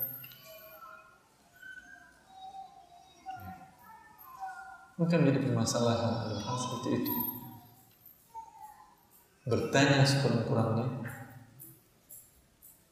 dan sempatkan waktu untuk mempelajarinya. Kita menyempatkan waktu untuk mempelajari hal-hal yang dalam kehidupan kita mungkin tidak banyak berguna. Membaca, ingin tahu, berita hari ini apa yang terjadi di negara itu apa hubungan negara itu dengan anda? Nggak ada. Hari ini apa yang terjadi di Amerika? Oh kemarin umpamanya meledak pabrik di negara sana. Apa hubungan dengan anda yang meledak di sana? Mereka kafir lagi atau terjadi pemboman di sana? Apa hubungan dengan anda tidak ada. Tapi itu kita baca ikuti dengan kayaknya informasi belum jelas cari informasi dari internet eh, kayak belum jelas diskusi lagi dengan teman karena tidak ada hubungan dengan anda. Ini di depan mata anda. Makanan yang akan anda makan ini halalkah atau tidak? Ini ada hubungan dengan anda. Yang akan menyebabkan hubungan anda dengan Allah menjadi baik dan beribadah atau doa anda ditolak dari awal-awal dikatakan fa'an yustajabalah Bagaimana mungkin doanya dikabulkan bila makanan yang mat'amuhu min haram wa mashrabuhu min haram wa malbasuhu min haram wa ghudhiya min haram yang kalau Ibn Abbas pernah mengatakan la yaqbalu Allah salatan bi'in fi haram Allah tidak menerima salat seseorang yang di dalam rongga badannya memakan makanan yang haram Ketika dia berzakat, tidak diterima zakatnya karena zakat harta yang haram. Ketika dia melakukan ibadah haji, dia menginjakkan kakinya diriwayatkan Mu'jam dan Tabrani. Dia mengatakan labbaik Allahumma labbaik. Labbaik Allahumma labbaik. Dikatakan kepada dia la labbaika wa la dia mengatakan aku sambut panggilan setelah aku sambut panggilan. Maka dikatakan kepada dia tidak engkau datang bukan untuk menyebut panggilan. Wala sa'daik dan tidak ada kebahagiaan untukmu haram wa zadaka haram wa hajjuka ghairu mabrur Sesungguhnya hartamu adalah harta yang haram. Berangkat dengan biaya yang haram. Hajimu ditolak. Maka sebelum mendaftar haji dengan menggunakan jasa produk dana talangan haji, pelajari dahulu dengan baik ini agar Anda tidak rugi di dunia dan di akhirat. Rugi di dunia. Bila akad ini dan memang sampai sekarang yang saya yakini akad ini adalah murni riba walaupun dilakukan dalam lembaga maupun syariah rugi anda. Kemudian digunakan untuk berhaji baru menjadikan kaki saja sudah dikatakan kepada anda tidak diterima. Apa arti tidak diterima ini? Kalau anda melamar pekerjaan baru di kami katakan tidak diterima apa yang dilakukan lagi? Pulang atau tetap maksa masukin berkas juga? Enggak apa-apa, bisa masukin ya. Iya nggak apa-apa masukin tapi ini kelas tidak diterima. Saya masukin sampah, nggak apa-apa masukin sampah. Udah masukin sampah. Mau dan kita tuh langsung bawa berkas yang fotokopi sudah banyak mau dibawa pulang lagi. Bawa pulang kan? Jadi dikatakan ketika anda ingin berangkat haji itu tidak diterima sudah, apa yang teruskan hajinya? Pulang. Maka memperhatikan hal ini untuk setiap yang dihalalkan oleh Allah dan diharamkan Allah dalam transaksi ini ya seperti kita katakan di awal banyak syubhatnya dalam transaksi dana tabungan haji umpamanya dia sengaja dengan berbagai alasan membantu kaum muslimin untuk merealisasikan cita-cita hidup mereka bisa berhaji. Indah ini, motonya indah sekali. Membantu kaum muslimin yang lemah untuk merealisasikan cita-cita mereka melakukan ibadah rukun Islam yang kelima. Indah atau tidak? Indah sekali semua orang menginginkan. Terima kasih Anda membantu saya. Tapi apakah betul murni bantuan? Kita lihat murni bantuan atau tidak. Kalau Anda ingin untuk bisa mendapatkan ketentuan berangkat haji tahun keberapa dari saat mendaftar ini harus menyetor uang tunai sekian kan? 25 juta sekarang kan ya? Sekitar 25 juta. Lalu terbayang oleh Anda, kapan uang 25 juta terkumpul oleh saya? Dan setiap tahun naik terus, naik terus. Kapan saya akan berangkat haji? Maka oleh Anda bantuan moto yang indah tadi.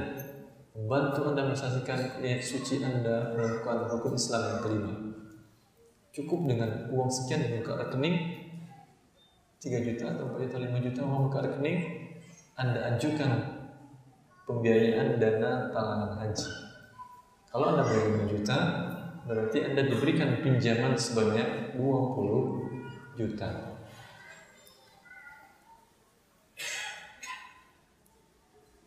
Mereka mengatakan ini kok hasan. Pinjam meminjam yang hasan. Hasan itu artinya baik. Tidak ada bunga, Memang tidak ada bunga dalam pinjaman itu. Tapi ada biaya administrasi. Bunga ada, administrasi ada. Berapa jumlah biaya administrasi ini? Yang pernah yang saya lihat langsung dari akad yang dibawa oleh siswi saya di para pimpinan cabang sebelum berkomunikasi syariah satu juta enam ratus dan berapapun pinjamannya tetap sejuta enam ratus karena dia mengatakan ini administrasi harus tetap. Jadi kalau anda punya uang 15 juta, pinjam 10 juta, tetap biaya administrasinya satu juta enam ratus. Kalau anda pinjam 19 juta, tetap satu juta enam ratus dan seterusnya. Administrasi untuk apa ya? Administrasi Kalaulah murni administrasi, ada mahasiswa saya di lembaga syariah yang lain, dia mengatakan kalau di lembaga saya, kalau kita store pun yang 25 juta untuk dapat kepastian berangkat haji itu, nol biaya administrasinya. Nol. Karena badan yang mengurus haji tersebut sudah memberikan fee atau memberikan uh, potongan komisi kepada lembaga tadi sebanyak sekitar 180 ribu rupiah. Ini betul bisa saya sebut ribu rupiah sehingga nol kalau bayar tunai. Lalu saya katakan, kenapa bisa saya bisa 6 juta, 160 juta, 1 juta 600 kalau untuk yang talangan. Itu kan talangan, pinjaman berarti Ini yang termurah ya. Yang mahasiswa saya tadi mengatakan ini di bank saya termurah Ustaz. Kalau di bank sempat saya daftar itu dibilang 2 juta 400 dan ada yang sampai 3 juta berkisar sampai 3 juta betulkah ini administrasi kalau memang administrasi bila anda tidak selesai belum lunasi dalam setahun ini dalam talangan haji ini tahun depan dibuat biaya administrasi, administrasi baru lagi bayar lagi dari juta 400 lagi kalau belum selesai Kalau yang kedua administrasi apa lagi namanya? Administrasi juga perpanjangan pinjaman hutang. Allah taala mereka berkisah muter-muter istilah.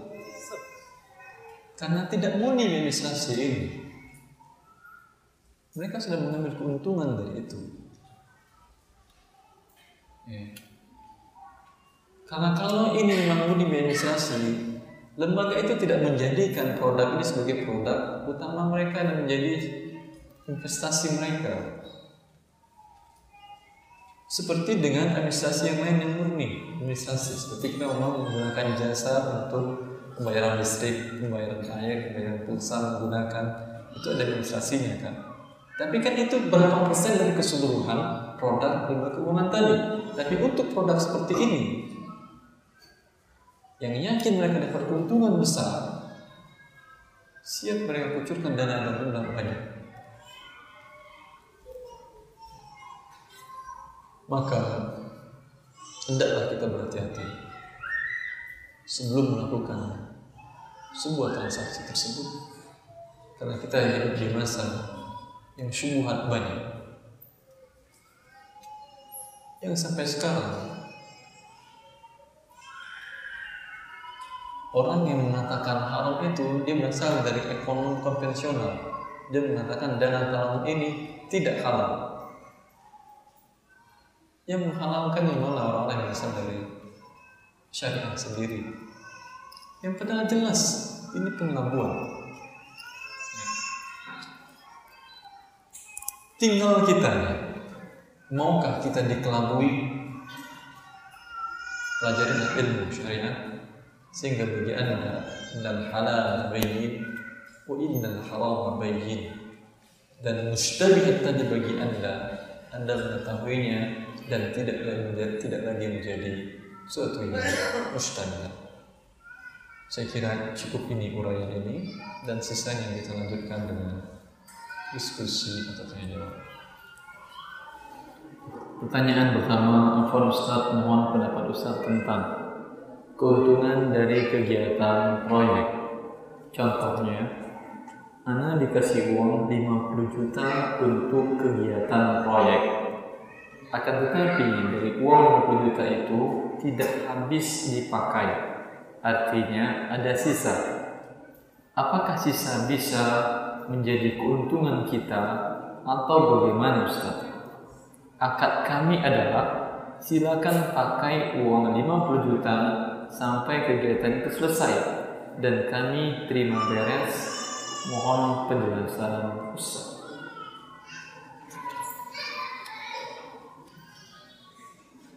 Wallahu ta'ala akad antara anda dengan pihak yang memberikan dana apakah akadnya wakalah atau akadnya adalah jual beli jasa jual beli jasa atau akad wakalah. Berbeda ini hukumnya. Kalau umpamanya Anda ingin memberikan jasa ini, ini, ini, ini, kemudian dengan biaya sekian,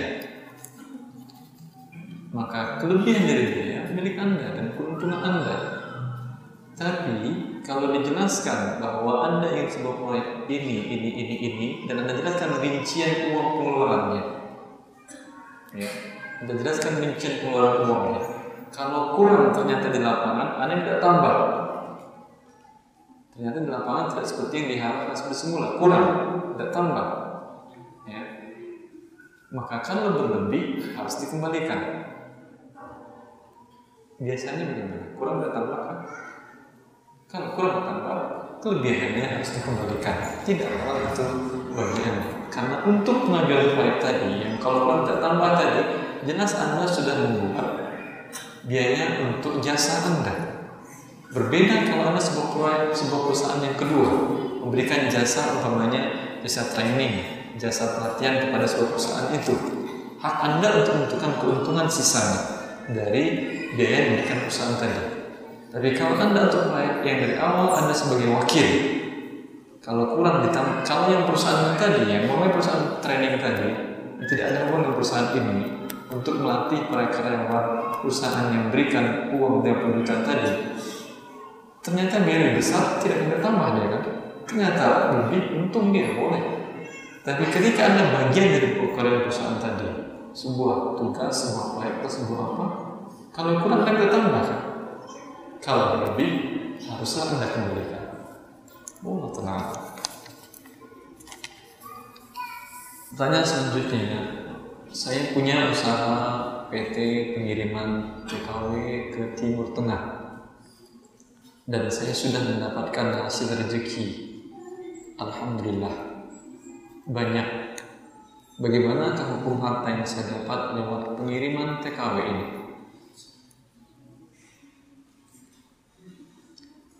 Eh. TKW yang dikirim ini disyaratkan pakai mahram atau tidak? Disyaratkan. Kalau disyaratkan pakai mahram dan dia memang ada, ya, memang ada yang ikuti persyaratan tadi, ada juga yang melampaui persyaratan tadi. Kalau umpamanya sesuai ketentuan syar'i mengirim tenaga kerja yang wanita, dia akan melakukan safar kan. Kemudian safarnya syaratnya ada mahram dan anda mensyaratkan mahram tidak bisa berangkat sendiri. Harus bersama mahramnya. Ini sebuah jasa yang mubah. Mengirimkan orang untuk mendapatkan pekerjaan. Ya, turut anda membantu mereka mencari rezeki Allah. Yang Allah memuji dan membanggakan orang-orang. Wa akharun yadribuna fil ardi yabtaguna min wa akharun yuqatiluna fi sabilillah sebagian di antara mereka ada orang yang melakukan perjalanan di muka bumi Allah. Yadribuna fil ard melakukan perjalanan meninggalkan kotanya ke kota yang lain ke negara yang lain. Dia bertaruh min fadlillah dengan tujuan mencari rezeki Allah.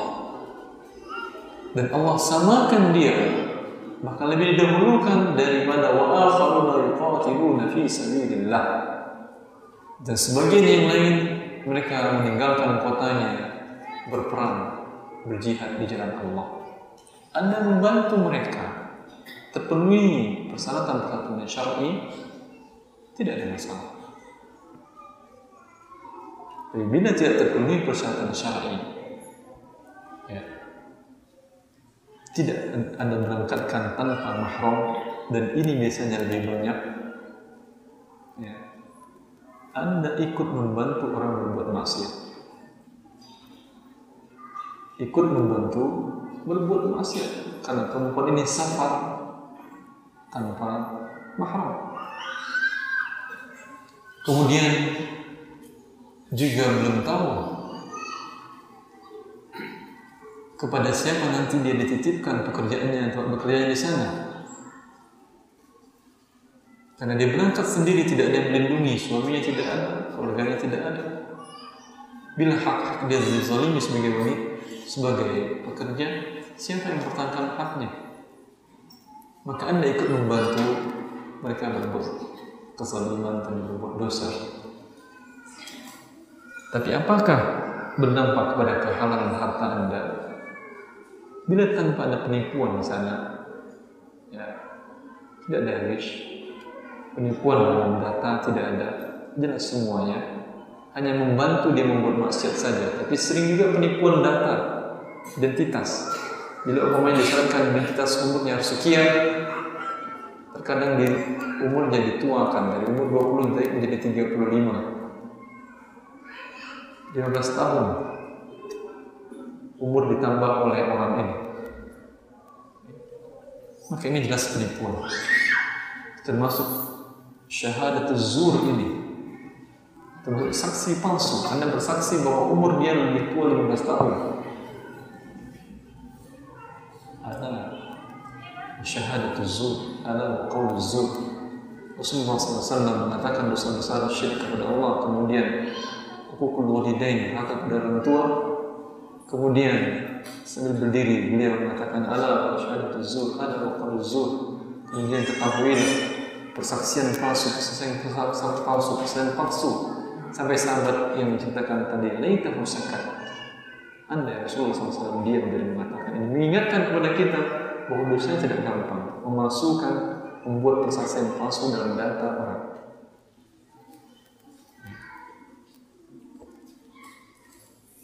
Taala.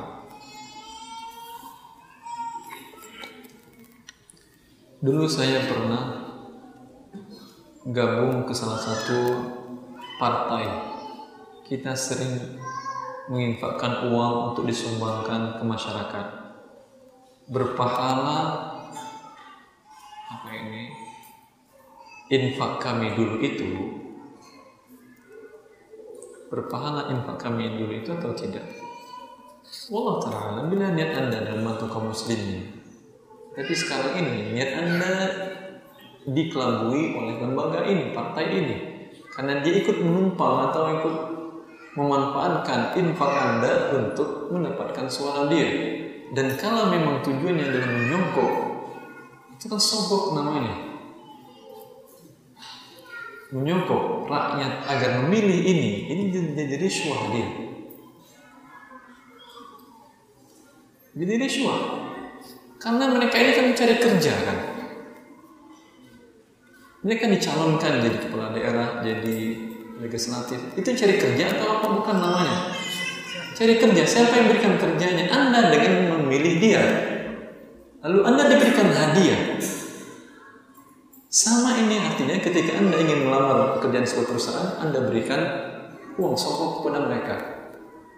Sama tidak ada bedanya yang menyokok tidak dan yang disogong dan terima hadiahnya ini sudah tahu dan partai yang ar-ra'ish bainahuma perantara transaksi sogok menyogok Allah Ta'ala Semoga Allah Subhanahu Wa Ta'ala memberikan pemahaman kepada kita menghindari sesuatu yang membahayakan din dan dunia kita. Karena ini secara dunia juga berbahaya seperti itu.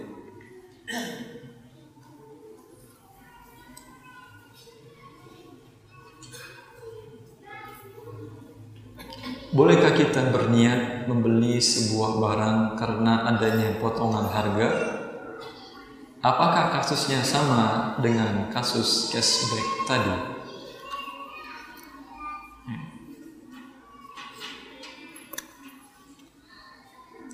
Khasam memberikan potongan harga diskon boleh atau tidak kita sebagai pengusaha, sebagai penjual memberikan diskon, memberikan potongan harga.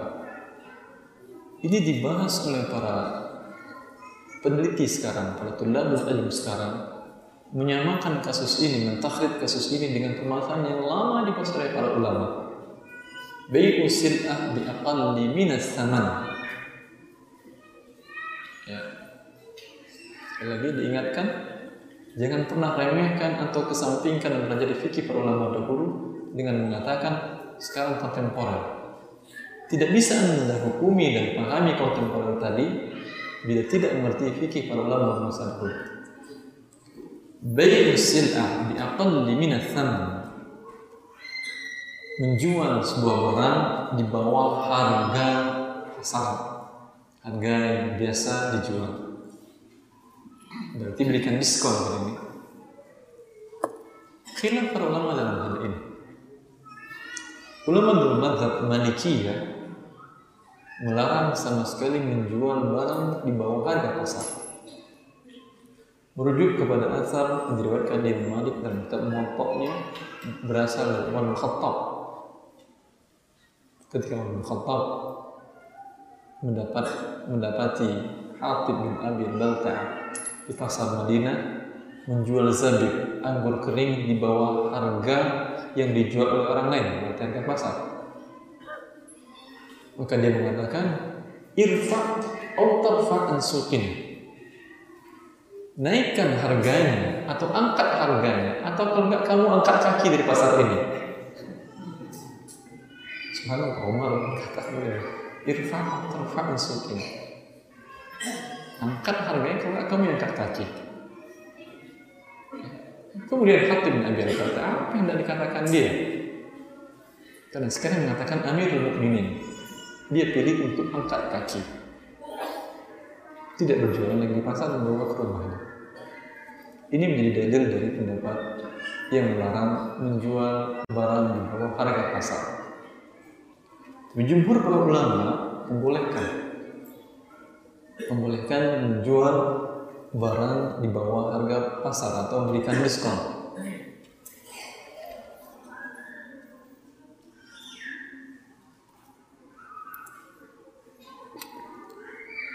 Berdasarkan dan menurut Al-Baihaqi bahwa asal dari Umar bin Khattab dan al tersebut kemudian beliau mendatangi Hatib bin Abi Bakar kemudian beliau mengatakan hadza irta'aituhu. Ini pendapat yang aku anggap bisa menyelamatkan para pedagang. Tapi sekarang kalau ingin kau berjualan silahkan berjualan kembali. Artinya Umar rujuk dari pendapat semula. Dan jumhur ulama mengatakan, kalau saja jangankan memberikan potongan harga, memberikan gratis semua barangnya boleh atau tidak? Boleh, apalagi cuma memberikan kekurangan dari sebagian harga.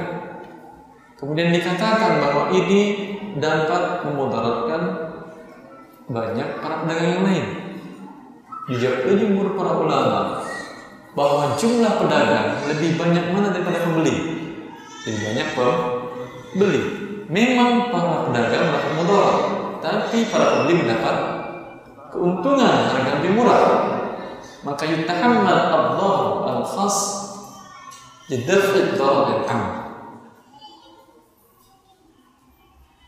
kemudaratan terhadap sekelompok orang ditanggung oleh mereka untuk menolak kemudaratan bagi orang banyak. Atas dasar ini, para jumhur ulama membolehkan, tapi dengan syarat. Tujuan dia. Menurunkan harga bukan ingin mematikan para pedagang yang lain. Kalau dia sebagai pedagang kuat namanya, sengaja diturunkan harga untuk beberapa waktu sehingga yang lain mati, tidak berjualan lagi. Kemudian sekarang dinaikkan dan dia menguasai harga sendiri. Ini ladar tidak boleh niatnya seperti itu tapi kalau niatnya ingin yang penting bagi saya dapat keuntungan sedikit nggak masalah tidak ada masalah boleh karena Ali bin Abi Thalib menganjurkan pada para pedagang beliau mengatakan la taruddul qalil fatuhramul kathir Jangan kalian tolak keuntungan yang sedikit. Ketika ada orang menawar barang Anda, menurut Anda sudah untung sedikit. Sudah untung. Kata Ali bin Abi jangan tolak yang sedikit itu. Dikhawatirkan bila Anda tolak, keuntungan yang besar Anda dapatkan juga. Keuntungan sedikit juga enggak. Dengan lamanya barang tidak laku, penyimpanan yang guna akan bertambah harganya kan nilai. Perputaran barang secepat perputaran itu semakin besar Anda mendapatkan keuntungan walaupun kecil Anda lihat, tapi cepat perputarannya, Anda selamat dari biaya gudang, biaya penyimpanan, dan risiko kerusakan barang, dan kemudian memberikan kemudahan bagi kaum muslimin. Banyak atau tidak manfaatnya? Banyak. Maka hukum memberikan harga dan niatnya seperti itu, insya Allah tidak masalah. Kecuali niatnya adalah untuk menjatuhkan atau memberikan mudarat bagi kaum muslimin para pedagang yang lain. Kemudian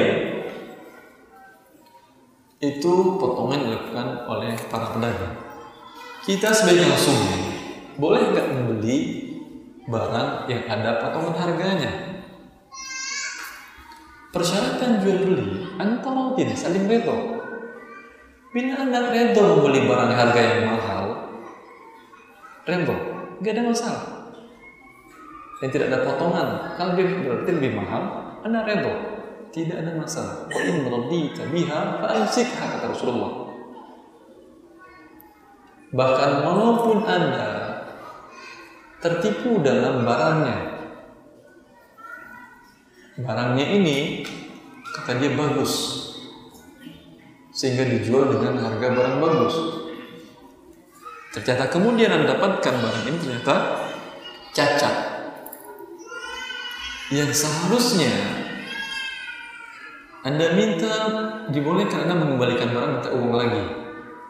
Tapi menurut Anda, ah nggak masalah, anggap saja saya membantu dia. Ridho berarti kan? Ridho Anda beri mahal karena untuk ukuran barang yang cacat seperti ini harganya harusnya 80 tapi Anda beli barang senilai barang yang bagus itu 100 ribu umpamanya selisih 20 ribu ini saya rela untuk dia nggak masalah boleh masalah. Fa'in radita biha fa'amsik. Bila engkau meridhoinya maka tahanlah bila tertipu dari beli tadi. Berarti akan jual beli adalah beli yang sah. Bila anda inginkan harga yang dapat potongan, harga lebih murah, hak anda juga tidak ada yang melarang. Tetapi potongan yang mana yang dibolehkan? Yang cashback tadi sudah kita jelaskan. Ada potongan yang dibuat berbagai bentuk hadiah yang diajukan atau potongan yang mereka buat. Ada potongan yang dibuat dengan memberikan kartu diskon, ada kan? Kalau Anda menjadi member anggota atau membawa kartu diskon ini mendapatkan potongan khusus. Biasanya kartu diskon ini gratis atau bayar pengurusannya. ada yang gratis ada yang bayar dan biasanya bayar untuk sebuah toko elektronik ada yang untuk mengurus kartu member ini bayar 100 ribu rupiah. Ada kan? ada. Tidak sebut namanya terserah untuk nama lebih tahu anda 100 ribu. Terbayang anda kalau ada seribu yang mendaftar dan berapa keuntungan dia belum jual berapa untung dia. Seribu yang mendaftar. Berapa sudah berapa juta ya sampai 100 juta belum barangnya terjual kan kartu jual kartu saja teruntung dia. Masalah diskon nanti pikirkan kata dia. Maka imbalan untuk pengurusan kartu ini dikatakan administrasi juga. Berapa administrasi untuk memberikan kartu ini? Sampai 10 ribu? Mungkin tidak sampai anggap 10 ribu. Berarti 90 ribu ini imbalan apa ini? Imbalan diskon, diskonnya belum jelas. Kemudian diskon sama dengan uang atau tidak? Sama dengan uang, tukar menukar uang dengan uang. Jumlahnya sama atau tidak, tunai atau tidak, riba ini. Dan gharar, riba dan gharar. Jelas itu. Hukum asalnya orang lihat. Cara orang jual sekarang itu luar biasa pintarnya mereka berangkat sehingga bagi kita oh ini kan hadiah diskon nggak ada masalah kita yang lulus 100 ribu nanti kalau saya belanja 3 juta 5 juta ada potongan diskonnya mungkin sampai lebih dari ini tapi kapan anda belanja itu ketika anda ingin beli barang tersebut nggak itu diskon nggak kejadian anda belanja kan ya. maka di sini mengandung unsur gharar dalam bentuk kartu ini. Kartu potongan harga tadi. Kalau diberikan cuma-cuma, cuma-cuma gratis, nggak masalah. Kembali kepada hukum asal. Ya, umpamanya kalau anda belanja sampai eh, sekian nominalnya 100 ribu atau sekian bisa membus kartu gratis Ya, ini tidak ada biaya Anda bayarkan untuk urusan kartu. Jadi nanti diberikan potongan diskon ini betul-betul adalah bagian dari hadiah yang diberikan oleh dia dalam bentuk potongan diskon. Ada juga potongan yang diberikan oleh dia ya, dengan menaikkan harga sebelumnya atau membuat persyaratan yang tidak jelas. Membuat persyaratan yang tidak jelas. Ini bisa masuk dalam bentuk fish juga, penipuan. Penipuan dalam iklan. dibuatnya dalam iklan besar-besaran bahwasanya rumah siapa yang beli rumah di sini akan dapat hadiah mobil mewah. Kemudian kecil di bawah tulisannya apa bisa tulisannya? Berlaku ketentuan syarat. Ketika kita datang minta ketentuannya cuma satu dan sudah diberikan dahulu pertama sekali. Penipuan ini. Rish. Berarti dia tidak ingin memberikan hadiah, hanya menipu Anda. Ada hadiah mobil mewah.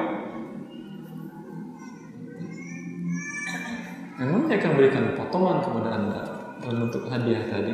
Ya.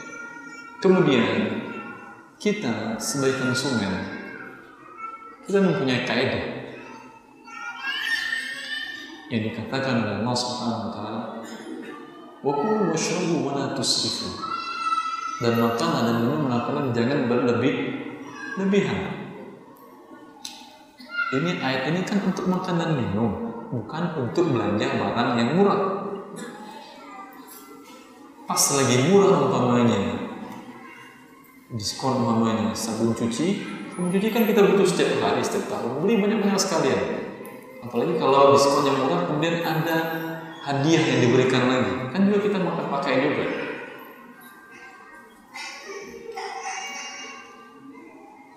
Mereka ingin-ingin karena mereka memang adalah penjualan barang sebanyak-banyaknya. Tapi anda juga mempunyai kaidah dalam hidup. Kalau saja untuk makan dan minum kebutuhan pokok. Kebutuhan pokok kan makan dan minum. Tidak bisa orang hidup tanpa makan dan minum. Tidak boleh berlebih-lebihan. Sudah kenyang berhenti. Apalagi untuk beli sabun cuci. Tentu tidak boleh lagi berlebih-lebihan. Ukur hajah dan kebutuhan anda anda beli ke satu tahun. Belum tahu anda hidup sampai satu tahun memakai sabun itu. Mungkin lagi sabunnya berubah ada lagi sabun yang baru. Atau mesin cuci anda berubah. Saya setiap mesin cuci lagi sabun yang terbaik untuknya kan? Sesuai dengan hajat kebutuhan anda. Untuk kebutuhan sebulan sabun sebulan masih bisa. Tapi untuk setahun dua tahun ke depan karena ada diskon ya. Maka ini masuk dalam kaidah israf dalam jual beli dan orang-orang seperti ini merusak ekonomi itu orang seperti ini. Karena bila banyak orang yang israf dalam kehidupannya, uang itu banyak beredar, tidak seimbang antara uang dan barang peredarannya, yang menyebabkan uang itu terkena inflasi. Maka keseimbangan di dalam produksi dan di dalam jual beli itu dia yang menstabilkan sebuah ekonomi tersebut. Kita sebagai muslim tahu dan mereka pun tahu gampang mempermainkan kaum muslimin itu dengan iming-iming diskon dan lain-lain, hadiah dan potongan harga dan lain-lain. Tapi kalau muslimin cerdas, tidak mau membeli sesuai kebutuhannya, mereka tidak akan memproduksi barang lebih kebutuhan. Sehingga dengan demikian, ya, tidak menghadir barang, tidak mau buang barang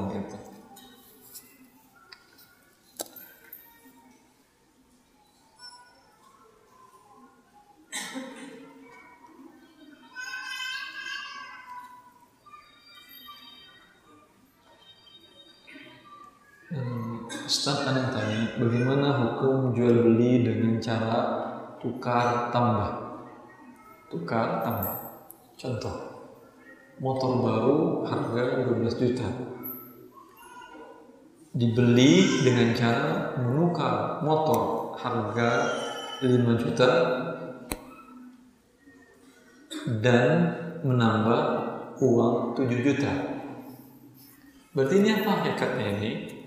Satu motor baru, satu motor lama dengan uang 7 juta. Sama nggak dengan kasus wudhu ajwa wadirham bidirham? Sama. Perhatikan dengan baik dulu, hati-hati. Kalau ujian dapat nol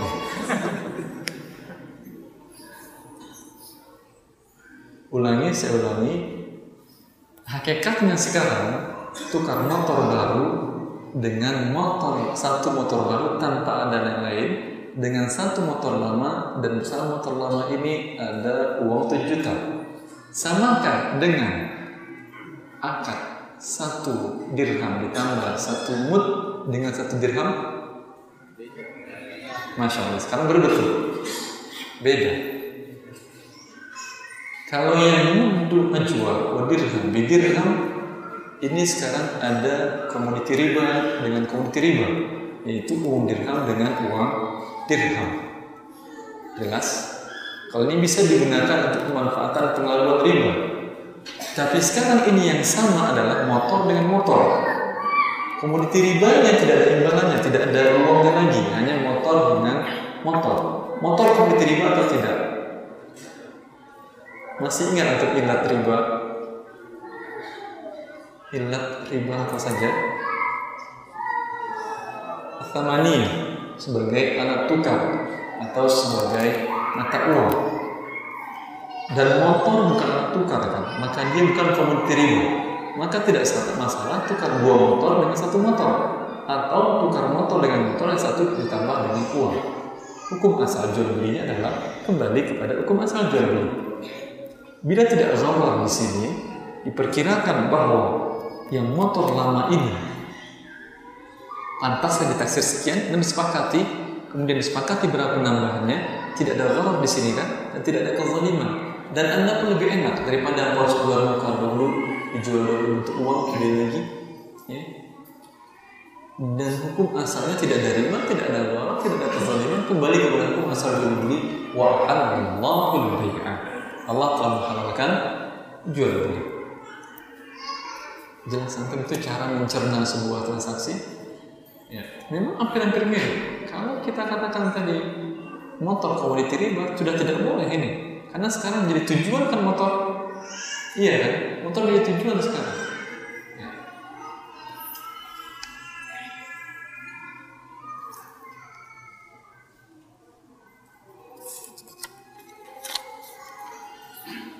Mohon dijelaskan kembali saham dalam bentuk barang dan uang tadi jazakallahu khair. Ya, siapa yang bisa jelaskan? Kita ya. Dalam berusaha, bermitra, dan berkongsi bersyarikat, salah satu dari dua bersyarikat atau tiga atau empat ini ingin keluar dari perkongsian ini yang ditinggal tidak ingin usahanya hancur. Caranya Anda boleh alihkan saham Anda kepada pihak ketiga. Dicarikan atau dia mencari pihak ketiga dan mau dia membeli saham di perusahaannya ini. Bagaimana cara jual belinya saham ini agar selamat dari riba? Dilihat aset uang dan barangnya. Diperkirakan berapa persentase dari aset perusahaan itu berbentuk uang dan berapa yang berbentuk barang. Bila yang berbentuk uang sampai 70% berarti sekarang pemilik saham ini akan keluar ini memperkirakan persentase saham dia dan dijual dengan nilai yang sama tidak boleh mengambil keuntungan. Dan haruslah tunai karena sekarang saham yang akan dia jual merupakan uh, atau merupakan bagian dari uang mewakili uang yang akan dijual ya, yang dimiliki oleh perusahaan tersebut uang yang terbesar dari perusahaan tersebut. Sampai sini jelas harusnya tukar menukar uang dengan uang sama dan tunai. Anda 60 juta tidak boleh minta lebih. Harus juta dan persyaratan kedua haruslah tunai bisa terimakan. Sampai di sini jelas? Yang kedua dilihat aset tadi. Ternyata terbalik sekarang. Sebagian besar asetnya berbentuk barang uang hanya sekitar 25% atau 30% dari keseluruhan aset sekarang berarti saham Anda mewakili barang. Boleh kan jual beli barang lebih mahal? juga boleh lebih murah. Tidak ada masalah. Kalau untuk sahamnya uang tadi tidak boleh, lebih murah pun tidak boleh. Kalau yang sekarang berbentuk barang boleh. Anda lihat umpamanya karena agar cepat laku umpamanya saham Anda dari uang tunai, Anda murahkan tidak masalah. Atau karena Anda lihat prospek perusahaan ini ke depannya maju dan orang ini mengetahuinya dan Anda jual lebih dari nilai asetnya yang harusnya Anda jual 60 juta, Anda jual 65, dia mau dan siap, boleh. Karena ini sama dengan jual barang dengan uang. Tidak ada masalah berlebih. Jelaskan ini? Harus tunai. Beli barang harus tunai. Sebarang harus tunai kalau beli barang? Beli barang boleh nggak utang? Utang beras boleh nggak? Hari ini beras yang diambil besar uang dibayar boleh? Beras, beras. Anda beli beras, butuh beras hari ini nggak ada uang. Hari ini ambil beras dulu, besok bayar uangnya. Boleh ya? Nggak boleh. Lupa antum kayak riba berarti. Saya pikir saya datang tahun lalu kemarin sudah saya jelaskan kayak dari jadi saya ingin lanjutkan saya ternyata harus lagi. Untuk ilat komoditi riba, dari sini kita bisa mengetahui kan masalah motor tadi, motor tadi itu juga kalau tidak mengerti ilat riba, sepertinya riba kan. Tukar motor dengan motor kan satu bertambah, Perhatikan ilat riba. Ada enam komoditi riba. Emas, perak. Pegang ini satu kelompok, satu ilat. Kemudian kurma, gandum, bur, syair, garam. Ini satu ilat lagi. Ilat yang emas dan perak banyak karena khilaf ulama panjang dalam hal ini. Tapi yang terkuat yang dipilih oleh banyak para ulama sekarang adalah mutlaqus samaniyah sebagai mata uang atau nilai tukar. Jelas? Maka bisa disamakan dengan ini rupiah, dolar, dan yang lain. Untuk yang empat ini banyak pendapat para ulama yang banyak dipilih oleh para ulama sekarang sebagai makanan pokok sebagai makanan pokok yang bisa disimpan tahan lama. Maka masuk dari sini beras, jagung, dan makanan pokok yang lain.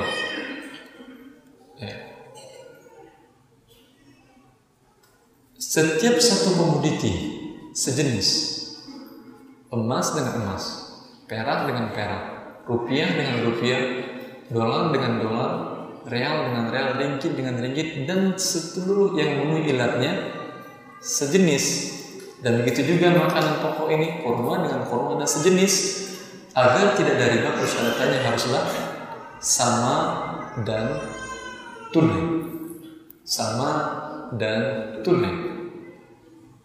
Kurmanya walaupun yang satu kurma yang mahal, satu kurma yang murah, haruslah sama beratnya dan harus tunai. Untuk yang satu ilatnya berbeda jenisnya, Tadi ilatnya yang satu jenisnya satu ilat berbeda jenis. Seperti emas dengan perak, rupiah dengan emas, rupiah dengan perak, rupiah dengan dolar, dolar dengan ringgit. Satu ilatnya masih, tapi berbeda jenisnya. Persyaratannya cuma satu, yaitu ya dan biadin tunai. Kalau untuk tukar menukar falas harus tunai untuk beli emas harus tunai. Kalau tidak terjadi riba dan biaya di sini. Begitu juga ini. Jual tukar beras dengan kurma tidak ada persyaratan harus sama beratnya, tapi haruslah tunai. Berbeda ilat kelompok yang ini dengan kelompok yang dua ini ditukar tidak ada persyaratan sama sekali maka beli rupiah ditukar rupiah dengan gandum boleh tidak tunai? Boleh. Beli tukar rupiah dengan beras boleh tidak tunai? Boleh. Tukar rupiah dengan dolar boleh tidak tunai? Tidak boleh. Tidak boleh. Sekarang jelas. Bagaimana tadi untuk menukar barang tadi yang asetnya sebagian besarnya berbentuk barang saham tadi dengan uang. Asetnya barang ini kan bukan uang dan juga bukan emas. Dibeli dia dengan uang. Maka persyaratannya apakah ada persyaratan tunai? Tidak ada persyaratan tunai. Ya. Dibeli umpamanya dengan cicil dari nilai tadi 60 juta sahamnya dijual 65 juta dicicil 20 juta bulan ini 20 juta bulan depan kemudian sisanya bulan depan selanjutnya dilunasi 25 juta nggak ada masalah tetapi kalau yang sebagian besar asetnya dalam bentuk uang harus sama. Kalau asetnya berbentuk rupiah dan dibeli dengan rupiah haruslah sama dan tunai. Kalau asetnya berbentuk uang rupiah anda beli dengan ringgit boleh berlebih dari nilai kursnya.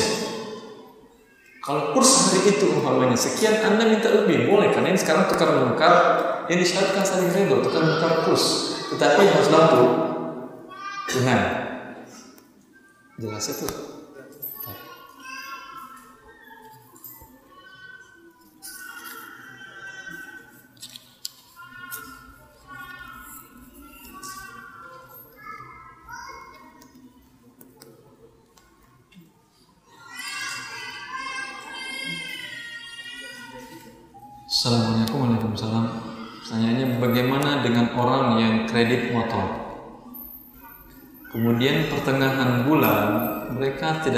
mampu membayar. Mobil diambil, motor kalian maksudnya tahu? Mobil diambil, uang setoran pun diambil. Bagaimana hukumnya? Oh ini zolimnya dua kali lipat karena mau tadi ini. Ini kreditkan motor ambil mobil. Kira-kira motor kalian maksudnya ya. Oh, mungkin maksudnya motor.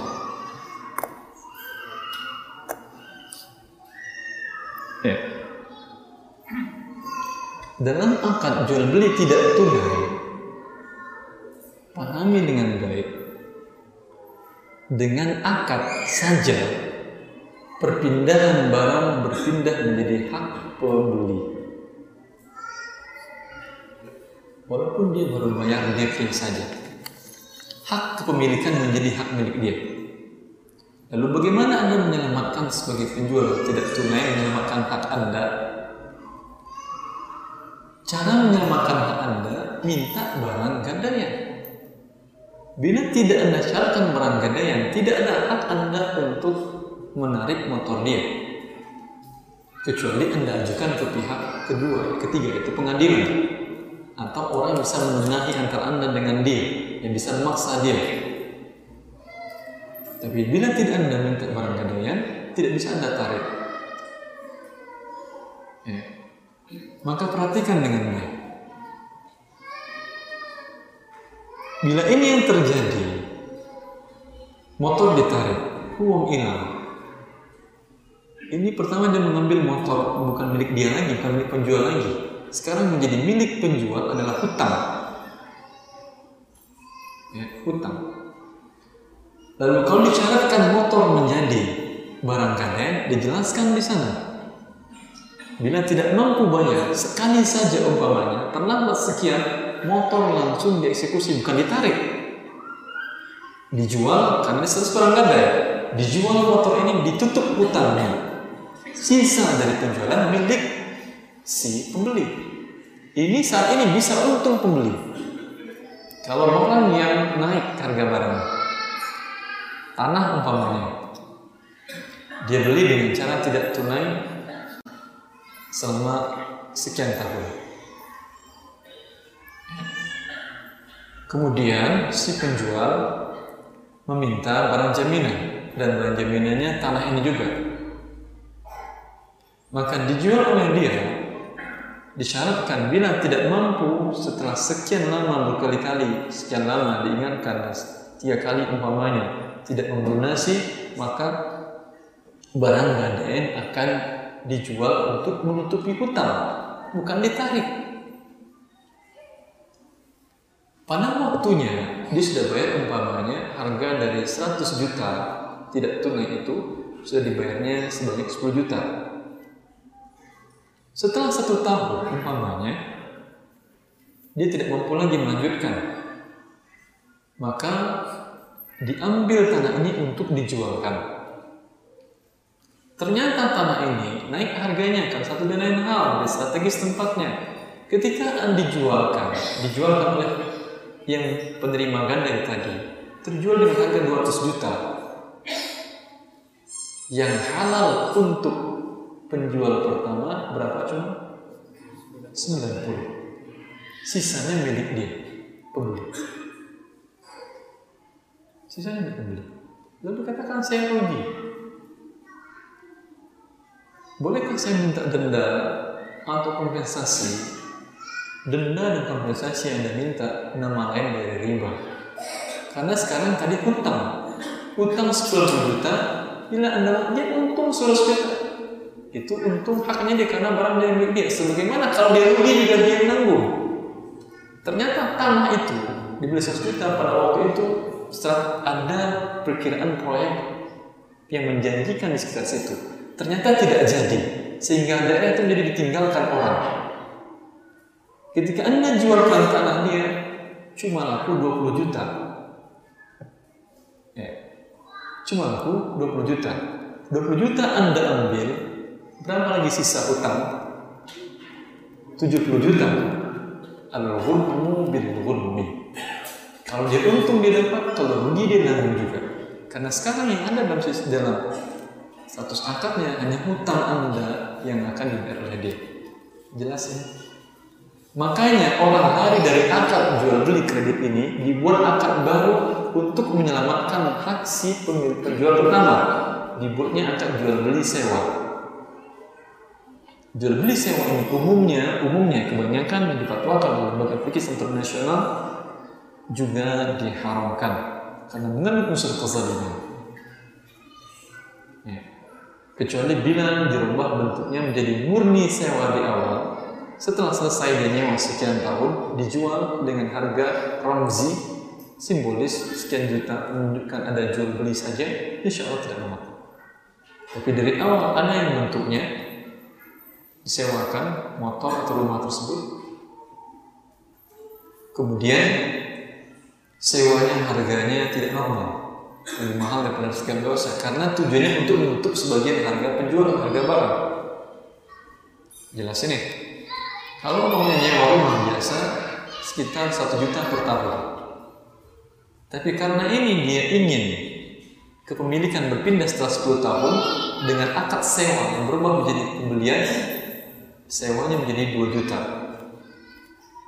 per bulan. Setelah 10 tahun langsung menjadi pemilik rumah dia. Penyewaan tadi langsung menjadi pemilik ini mereka namakan dengan akad leasing yang dibuat di Prancis pertamanya. Tujuan mereka, bila ternyata dia tidak bisa melanjutkan pembayaran, ini karena nyewa, selesai nyewa selesai, tidak pergi keluar. Berbeda dengan jual beli tadi. Jual beli kredit tadi nggak bisa diambil barang kan? Pun kalau dia ambil barang, keuntungan dan kerugiannya dia berapa masih bisa dengan kerugian. Kalau ini tidak ada kerugian, cuma disuruh oleh ketua dan dia sudah mendapatkan untung dengan sewa yang lebih mahal daripada sewa biasa. Jelas ini.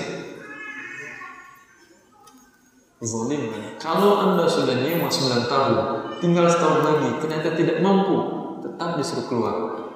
Padahal sudah 9 tahun anda berharap rumah setelah setahun menjadi milik anda. Ini bentuk leasing bahasa Arabnya sebagian dibuat produk oleh perbankan syariah. I ijarah muntahi bitamlik IMBT mereka namakan. Lihatlah ada bentuk yang dibolehkan oleh lembaga internasional itu ada tapi biasanya bentuknya diharapkan seperti itu. Kalau dipisah akadnya konsekuensinya dipisah juga. Dalam akad jual beli dengan cara leasing IMBT tadi kerusakan rumah seluruhnya ditanggung oleh penyewa ini luar biasa zolimnya. Pemilik sesungguhnya tidak menanggung kerusakan karena dianggapnya sudah dijual. Dia nggak mau tahu lagi. Ya. Pertanyaan selanjutnya Ustaz, apa hukumnya kita berbelanja di supermarket yang menjual berbagai kebutuhan rumah tangga. Tetapi di supermarket tersebut juga menjual barang haram, contohnya bir.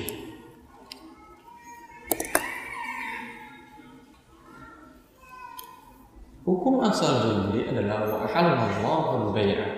Allah menghalalkan jual beli.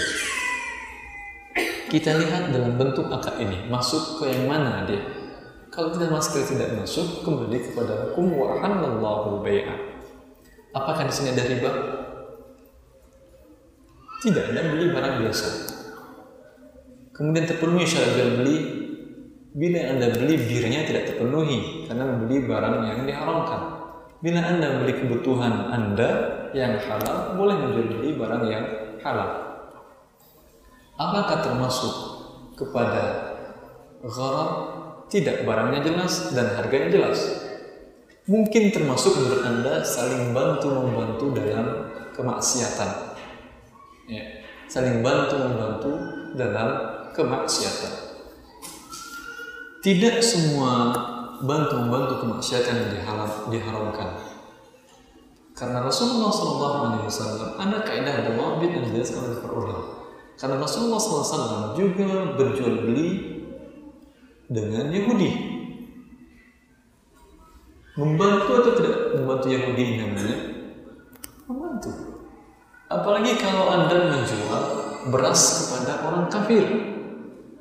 Membantu dia hidup atau tidak ini? membantu. Membantu dia berbuat syirik setiap saat.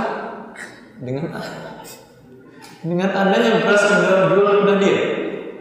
Kalau tidak ada beras kepada dia matikan dia. Dan mati nggak syirik lagi kan? Membantu juga orangnya ini. Maka kaya yang dijelaskan oleh para ulama yang membantu yang diharamkan tersebut bila persyaratannya mubasyirah langsung. Kemudian ilmu diketahui dengan jelas. Qat'i jelas. Ya. maka ini tidak termasuk dalam kaidah tersebut. Tetapi kewajiban kita tentu amar ma'ruf nahi munkar. Dan ada tata cara dan adab dalam amar ma'ruf nahi munkar. Ya. bukan sembrono bawa preman hancurin supermarket itu bukan ada tata cara dan adab yang kita perhatikan dalam amar ma'ruf nahi munkar jadi sekedar bermuatan untuk belanja insya Allah. Seperti yang telah saya jelaskan tidak Soal sekelompok kaum muslimin mengadakan fikih harisan. Apa maksud fikih harisan?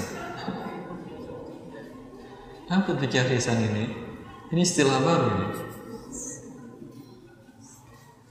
Setelah diundi seorang dari kelompok arisan mendapat uang arisan tersebut setelah itu, orang tersebut mengadakan makan minum di rumahnya bersama kelompok warisan sebagai rasa syukur.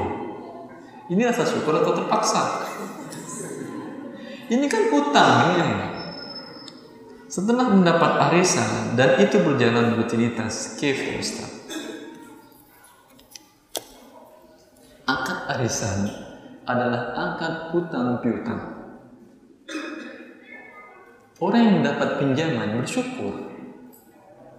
Bersyukur iya terpenuhi kebutuhan dia. Tapi dengan syukur yang dianjurkan, cukup berdoa Anda, doakan mereka agar mereka diberkahi Allah, harta, dan keluarga mereka. Tapi dengan memberikan mereka ini makan, mereka kan orang kaya yang memberikan pinjaman Anda. Dari uang pinjaman, tidak masuk akal ya. Dan masalah tidak masuk akalnya, Anda katakan bagi saya masuk akal. Ya masuk akal anda tapi Allah tidak menghalalkannya karena kullu qadbin jarra manfaatan fahuwa riba.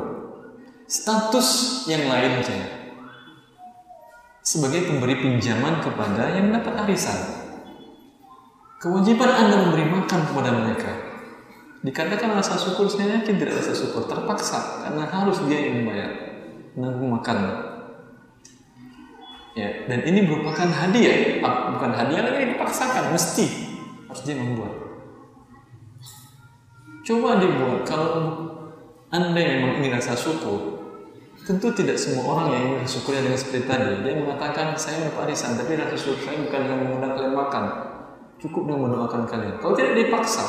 Di sini bisa datangkan syukur. Jadi dipaksakan, ini manfaat bagi pemberi hutang.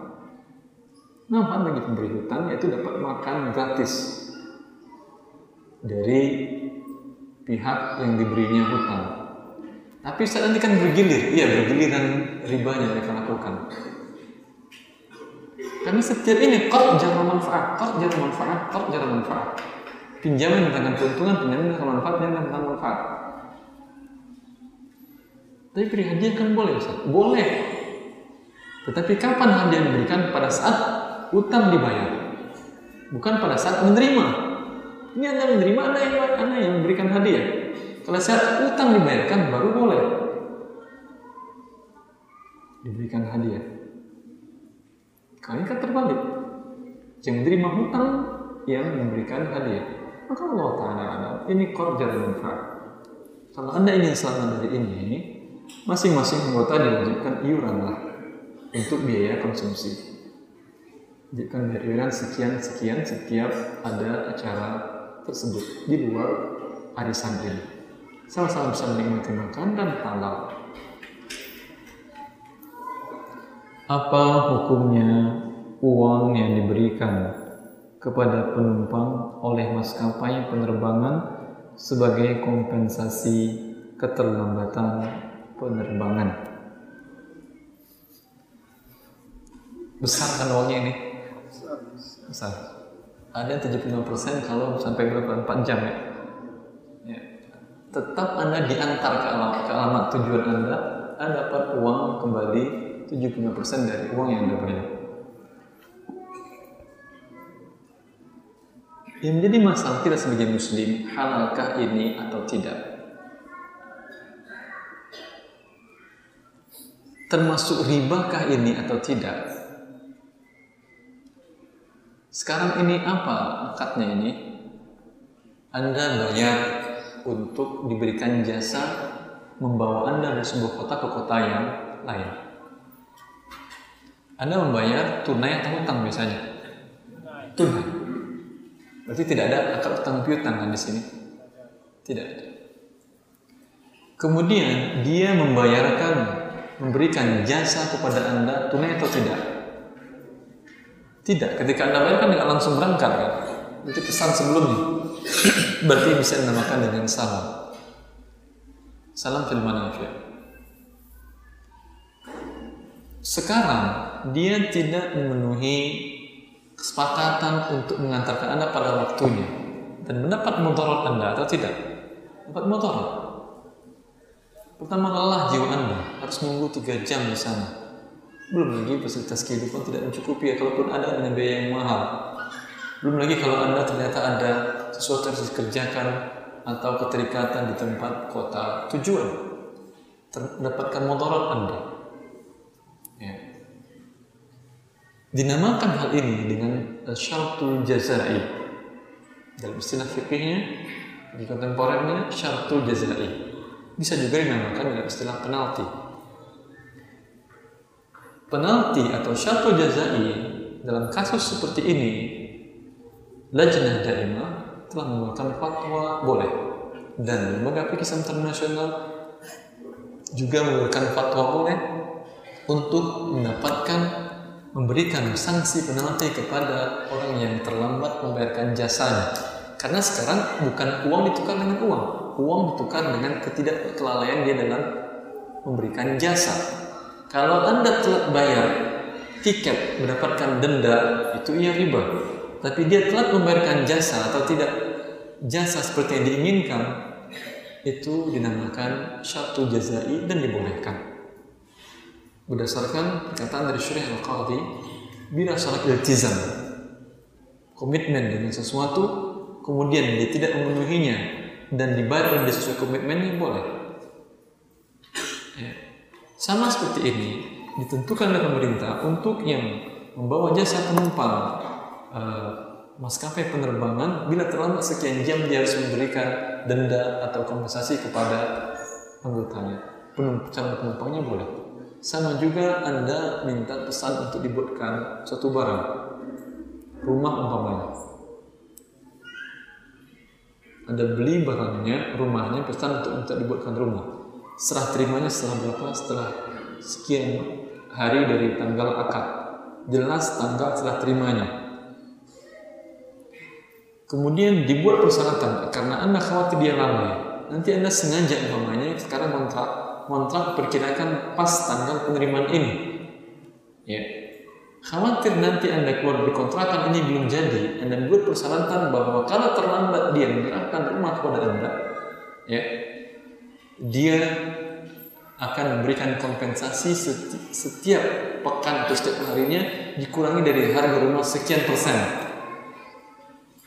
Ketika terjadi terlambat, boleh. Ini masyarakat jazai. Yang tidak boleh kalau dia membuat persyaratan bila Anda terlambat membayar angsuran dikenakan denda karena ini hutang uang dengan uang kalau ini tidak jasa dengan uang tidak masalah insya Allah pertanyaan selanjutnya bagaimana hukumnya dana haji melalui tabungan di bank sedangkan tabungan tidak boleh diambil oleh si penabung mohon penjelasan lihat akad antara Anda dengan lembaga tersebut dalam akad tabungan haji itu. Kalau akadnya adalah wadiah, mudoroba atau kor, hak Anda untuk menariknya. Tapi kalau dia buat dengan tidak bisa ditarik, ya, dan Anda menyetujuinya dari awal, dengan imbalan nanti adalah bisa untuk memberikan jasa. Ini Allah taala. Dikatakan salam juga tidak bisa dikatakan salam. Kalau anda diberikan jasa oleh dia, ya, untuk bisa berangkat haji dan bayar dari sekarang untuk tabungan, cicil, dicicil, dicicil, dicicil, ya, juga tidak tidak dibolehkan ini karena salam persyaratannya uang harus tunai di depan. Allah taala alam ini akhirnya bermasalah dalam pandangan syar'i.